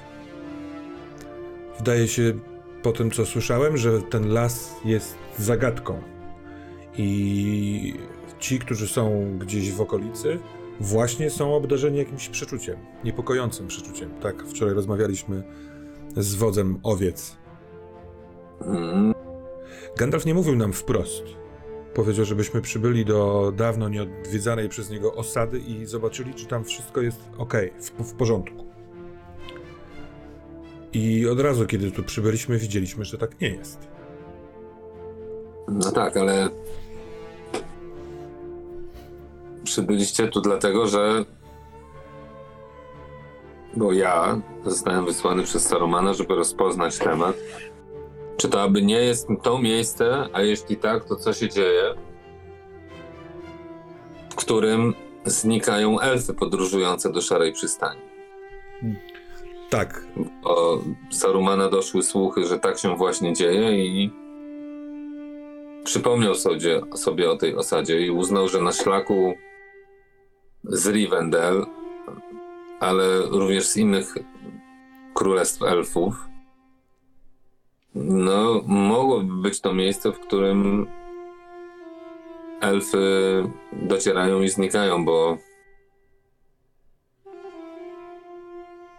pamiętał, że jest tu las, o którym od dawna krążyły legendy, dawno już pewnie zapomniane przez tych ludzi i znane mi tylko dzięki mądrości mojego mistrza, że jest to miejsce, które mogłoby potencjalnie być obdarzone no, jakąś niezwy, niezwykłą mocą. I być może elfy znikają właśnie tu. I stąd moja obecność. My także szukamy elfki. Gandalf mówił nam o tych e, znikających elfach. E, Nie, nie wyraził się bezpośrednio, że jedna i druga, jedno i drugie nasze zadanie są ze sobą powiązane. Może sam tego nie wiedział. Ale tu wszystko wydaje się jasne, jaśniejsze. Choć w kolorach cienia. Ach, czyli nie szukacie elfów, tylko konkretnego elfa. Konkretnej elfki nawet. Wiedząc o tym, że od jakiegoś czasu elfy znikają. I jest to źródłem niepokojów, także w Rivendell. Ach, tak. A czy mogę cię spytać, Torbecie, Torbrecie, jesteś tu już jakiś czas, co sądzisz o tych ludziach? Czy widzisz w nich jakieś e, zmiany? Wiesz o tym, że jeden z chłopaków z krów, Tomas niejaki, w bójce zabił innego chłopaka? Obiło mi się to o uszy. Jest to niewątpliwie smutne wydarzenie.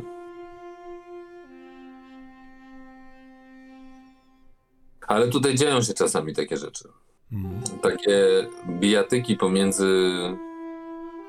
chłopakami zazwyczaj kończą się na siniakach, ale czasami zdarza się coś. Wiecie, oni. To jest trochę jak w takich dalszych rodzinach. Na przykład zdarza się, że podkradają coś sobie nawzajem. I młodzi chłopcy robią takie, czy dziewczęta robią takie wypady. Na przykład ukraść krowę. Albo i wyprowadzić ją gdzieś. Albo podprowadzić owcę. Rozumiecie? Mhm. To taki rodzaj tradycji. Dlatego pilnując swoich zwierząt przed drapieżnikami, trochę też pilnują je przed współplemieńcami czy przed innymi wydarzeniami. No i czasami dochodzi do bitki. A czasami po prostu ktoś się lubi, a ktoś nie. Jeden klan lepiej dogaduje się z innym klanem. Są jakieś zaszłości. No i z tego co widzę, to czasem się biją. Aczkolwiek faktycznie jestem tu dopiero kilka miesięcy, ale nie słyszałem, żeby w takiej, albo inaczej, za mojej tu obecności w takiej bitce pierwszy raz ktoś zginął. Kilka miesięcy. Tak. To znaczy, że mogę zgadywać, że byłeś już w lesie. Nie, sam do lasu nie wchodziłem. No, ja niestety nie dysponuję takimi umiejętnościami ani mocami jak mój pryncypał. Jestem, tak jak już wcześniej powiedziałem, jedynie skromnym posłem. Czy w takim razie wiesz może, aby ktoś z mieszkańców wchodził do lasu? Ale wiecie, że im nie wolno. Wiem, ale przywódca owiec powiedział nam, że różnie to bywa w klanach i różnie te klany na to patrzą, więc chcielibyśmy wiedzieć, czy poznanie tego lasu już się zdarzyło, czy może wszyscy obawiają się legend, które o nim krążą. Na razie, przynajmniej jeśli chodzi o te wyprawy, o których wiem, to cały czas ograniczają się do styku lasu z wzgórzami, polami, na których jesteśmy. Jeżeli ktoś wchodził do środka, to pewnie tego nie rozgłasza, bo wciąż, jak już pewnie słyszeliście, las jest zakazany. Mhm. Udało mi się namówić przywódcę krów do próby zmiany tego stanowiska. I mam nadzieję, że tutaj na tym spotkaniu uda się, żeby uchwalili wspólnie albo w ogóle zniesienie tego, chociaż to pewnie za daleko, ale przynajmniej wysłanie jakichś wypraw, które miałyby odpowiedzieć, co tam się dzieje, bo to, że się dzieje, jest ewidentne i bezsprzeczne. Rozumiem twoje stanowisko, gdyż jesteś posłańcem, ale teraz, kiedy my tu przybyliśmy, myślę, że sytuacja może się trochę zmienić. Być może bez znoszenia dla nich zakazu my będziemy mogli się tam udać i nie ryzykować ich życiem. Jak słusznie powiedział nam przywódca owiec, ci ludzie nie są zdolni się bronić przed większym zagrożeniem. A też nie, nie wiem, czy o tym wiesz, ale to, co znaleźli tam, Izdis zidentyfikowało jako nogę wielkiego pająka. Tak. Ślady tych bestii raz na jakiś czas są odnajdywane. Samego pająka nikt jeszcze chyba nie widział z nich, ale coś tymi pająkami walczy. I z tego co wiem od nich, to jeszcze parę lat temu tak wielu tych yy, obrzydliwych stworzeń tu nie było. A jeśli były, to nie dawały aż tak bardzo o sobie znać. Coś, moim zdaniem, obudziło te pająki. Coś sprawiło, że uaktywniły się. Może właśnie ta moc, którą, o której wspominasz, stara, uśpiona, także zamieniła się z historii w legendę. Hmm. Nie wiem. Trudno mi oceniać. Co w takim razie chciałbyś zrobić? Uważam, że trzeba zorganizować wyprawy do lasu. Wyprawy, nie pojedyncze wejścia, nie obserwacje z zewnątrz, tylko kogoś, kto będzie umiał i chciał, a być może wystarczająco mocno, mocna ekipa, która pójdzie i odpowie na pytanie, co rzeczywiście się tam dzieje. Ile żelaza widzisz przy tych ludziach?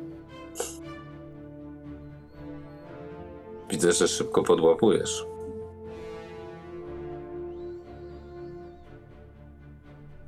Tak, nie są dobrze wyekwipowani. To pewne. Konfrontacja z y, pająkami byłaby dla nich najprawdopodobniej zabójcza. Ale z drugiej strony żyją tu bardzo wiele czasu. Jest ich niemało. I nie zapuszczają się do lasu. Nie znają go. Chcesz powiedzieć, Izdis, że uważasz, że to jest bardziej nasza sprawa? Wejść do tego lasu? Uważam, że zorganizowanie wyprawy pośle ich tylko na śmierć. Ale do tej pory y, Torbert nie miał innego wyboru, chcąc wypełnić swoje zadanie. Dziękuję ci za. szczęście teraz jesteśmy my. Ja, ja uważam, że jeśli wśród ludów zwierząt pojawi się ktoś, kto także będzie chciał iść, na przykład, żeby świadczyć, albo właśnie wiedzieć, co tam jest, Bo ma takie prawo. No, ale będzie musiał też dostać pozwolenie. Dlatego zgadzamy się w jednym. Wodzów należy przekonać do możliwości wejścia do lasu. Nie chciałbym osobiście, aby była to duża wyprawa, w której jest dziesiątki osób, bo taka grupa tylko zrzuci na siebie zgubę. Ale ochotnicy, czy ci, którzy mają prawo i chcą tam wejść, powinni móc z nami wyruszyć, bo nie wątpię, że my będziemy chcieli tam ruszyć. Małej grupie może jest, będę w stanie zapewnić bezpieczeństwo i więcej pochodni się przyda. W najgorszym wypadku, jeśli będą tego odmawiać, powinniśmy chociaż uzyskać zgodę na nasze wejście do tego lasu. Czyli wy jesteście zdecydowani tam wchodzić. Wszystko wskazuje na to, że jest, są tam właśnie elfy wiedzione jakimś zewem. No tak, ale czy czujecie się na tyle mocni, żeby tam tak po prostu wejść? Nie pójście tam, tylko odwlecze e, sprawę. Sam też mówisz, Torbrecie, że Wcześniej nie było tutaj tyle tych pająków. Kto wie, ile ich będzie za tydzień? Za miesiąc. Chylę czoła przed waszą mądrością. A zatem myślę, że możemy się w pewien sposób umówić, że na Radzie będziemy się wspierać Na to wygląda. w próbie przekonania. Zgadza się. Ja muszę w tej chwili się oddalić, ale postaram znaleźć was jeszcze, albo wy proponuję znajdźcie mnie, żebyśmy ustalili, jak będziemy chcieli konkretnie to zrobić. Niedługo rada. Wszyscy będą chcieli was poznać i pewnie cała pierwsza część to będzie poznawanie was. Jesteśmy tutaj ja i wy, a już zwłaszcza szanowna i zacna elfka, ale i oczywiście hobbit. Jesteśmy tu atrakcją. Zadziwiającą zupełnie, a nawet budzącą odrobinę grozy. Zanim się rozstaniemy w tym momencie, chciałabym jeszcze spytać, czy znasz już kogoś, kto jest gotowy wyruszyć do lasu? Czy rozmawiałeś z kimś, kto chciałby to zrobić? Pojedyncze przypadki. A ci, którzy są starsi, też chcieliby wiedzieć, nie zrobią tego bez zgody całego plemienia.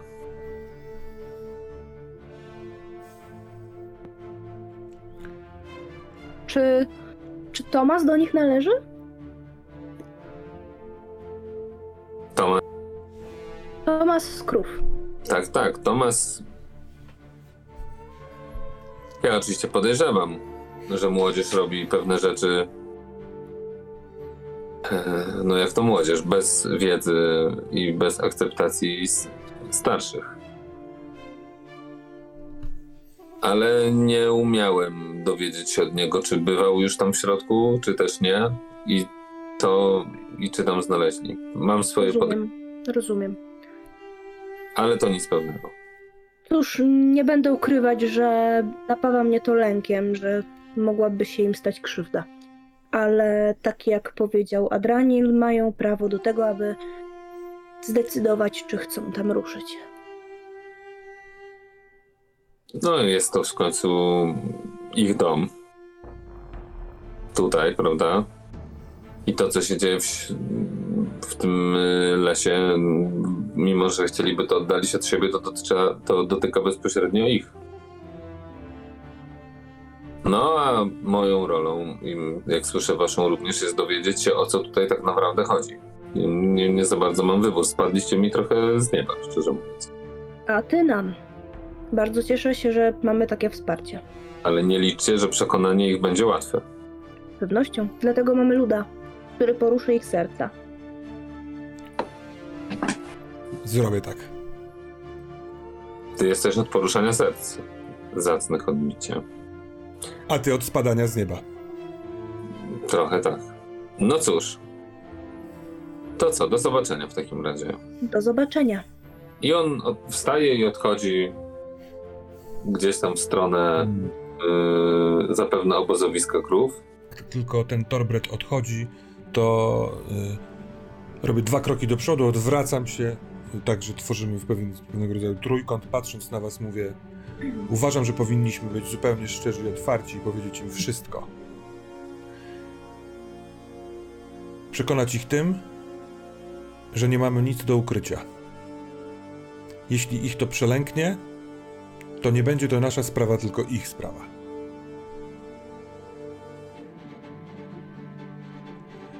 To chciałem. Jeśli tak A- mówi ci twoje serce, to tak zrobimy. I A ty sobie myślisz, Izdis, Tak. na te słowa Luda, Tak? że nie jesteś taka do końca pewna, czy Elrond Półelf Mhm. byłby taki zachwycony, Mhm. że Mhm. Wszyscy i wszędzie rozpowiadają o tym, że jego córka zniknęła i że jego elfy... Ej, ej, ej, ej. Nikt tego nie powiedział.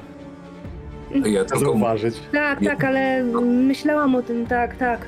E, Mm, mm, No. Ludo, A nie padło imię Arwen. tak. No tak. tak, tak, ale Po mojej deklaracji można domniemywać, Tak, że ja się tak, z nim tak. wygadam. tak. Ludo, jest coś ważnego, co musimy zataić. I zrozum to jako przysługę dla Elronda, pana na Rivendell. Mm, Nie chcę i on też nie chciałby, mm, żeby wszyscy wiedzieli, że jego córka zniknęła. Nie podoba mi się to. Nie podoba mi się to. Jeśli mamy poruszać serca, to zaczynamy od tego, co musimy ukryć? Ech, Dlatego zrobisz jak będziesz uważał. Mówię ci to, żebyś rozważył te informacje. Jeżeli poczujesz, że to jest niezbędne, zrób to. Ufam, że zrobisz to w dobrym momencie i że serce podpowie ci dobrze, dlatego że jesteś hobbitem wielkiego serca. Mam nadzieję, że tak właśnie będzie podczas spotkania w, sto, w, sztop, w szopie. A kto to jest ten Saruman?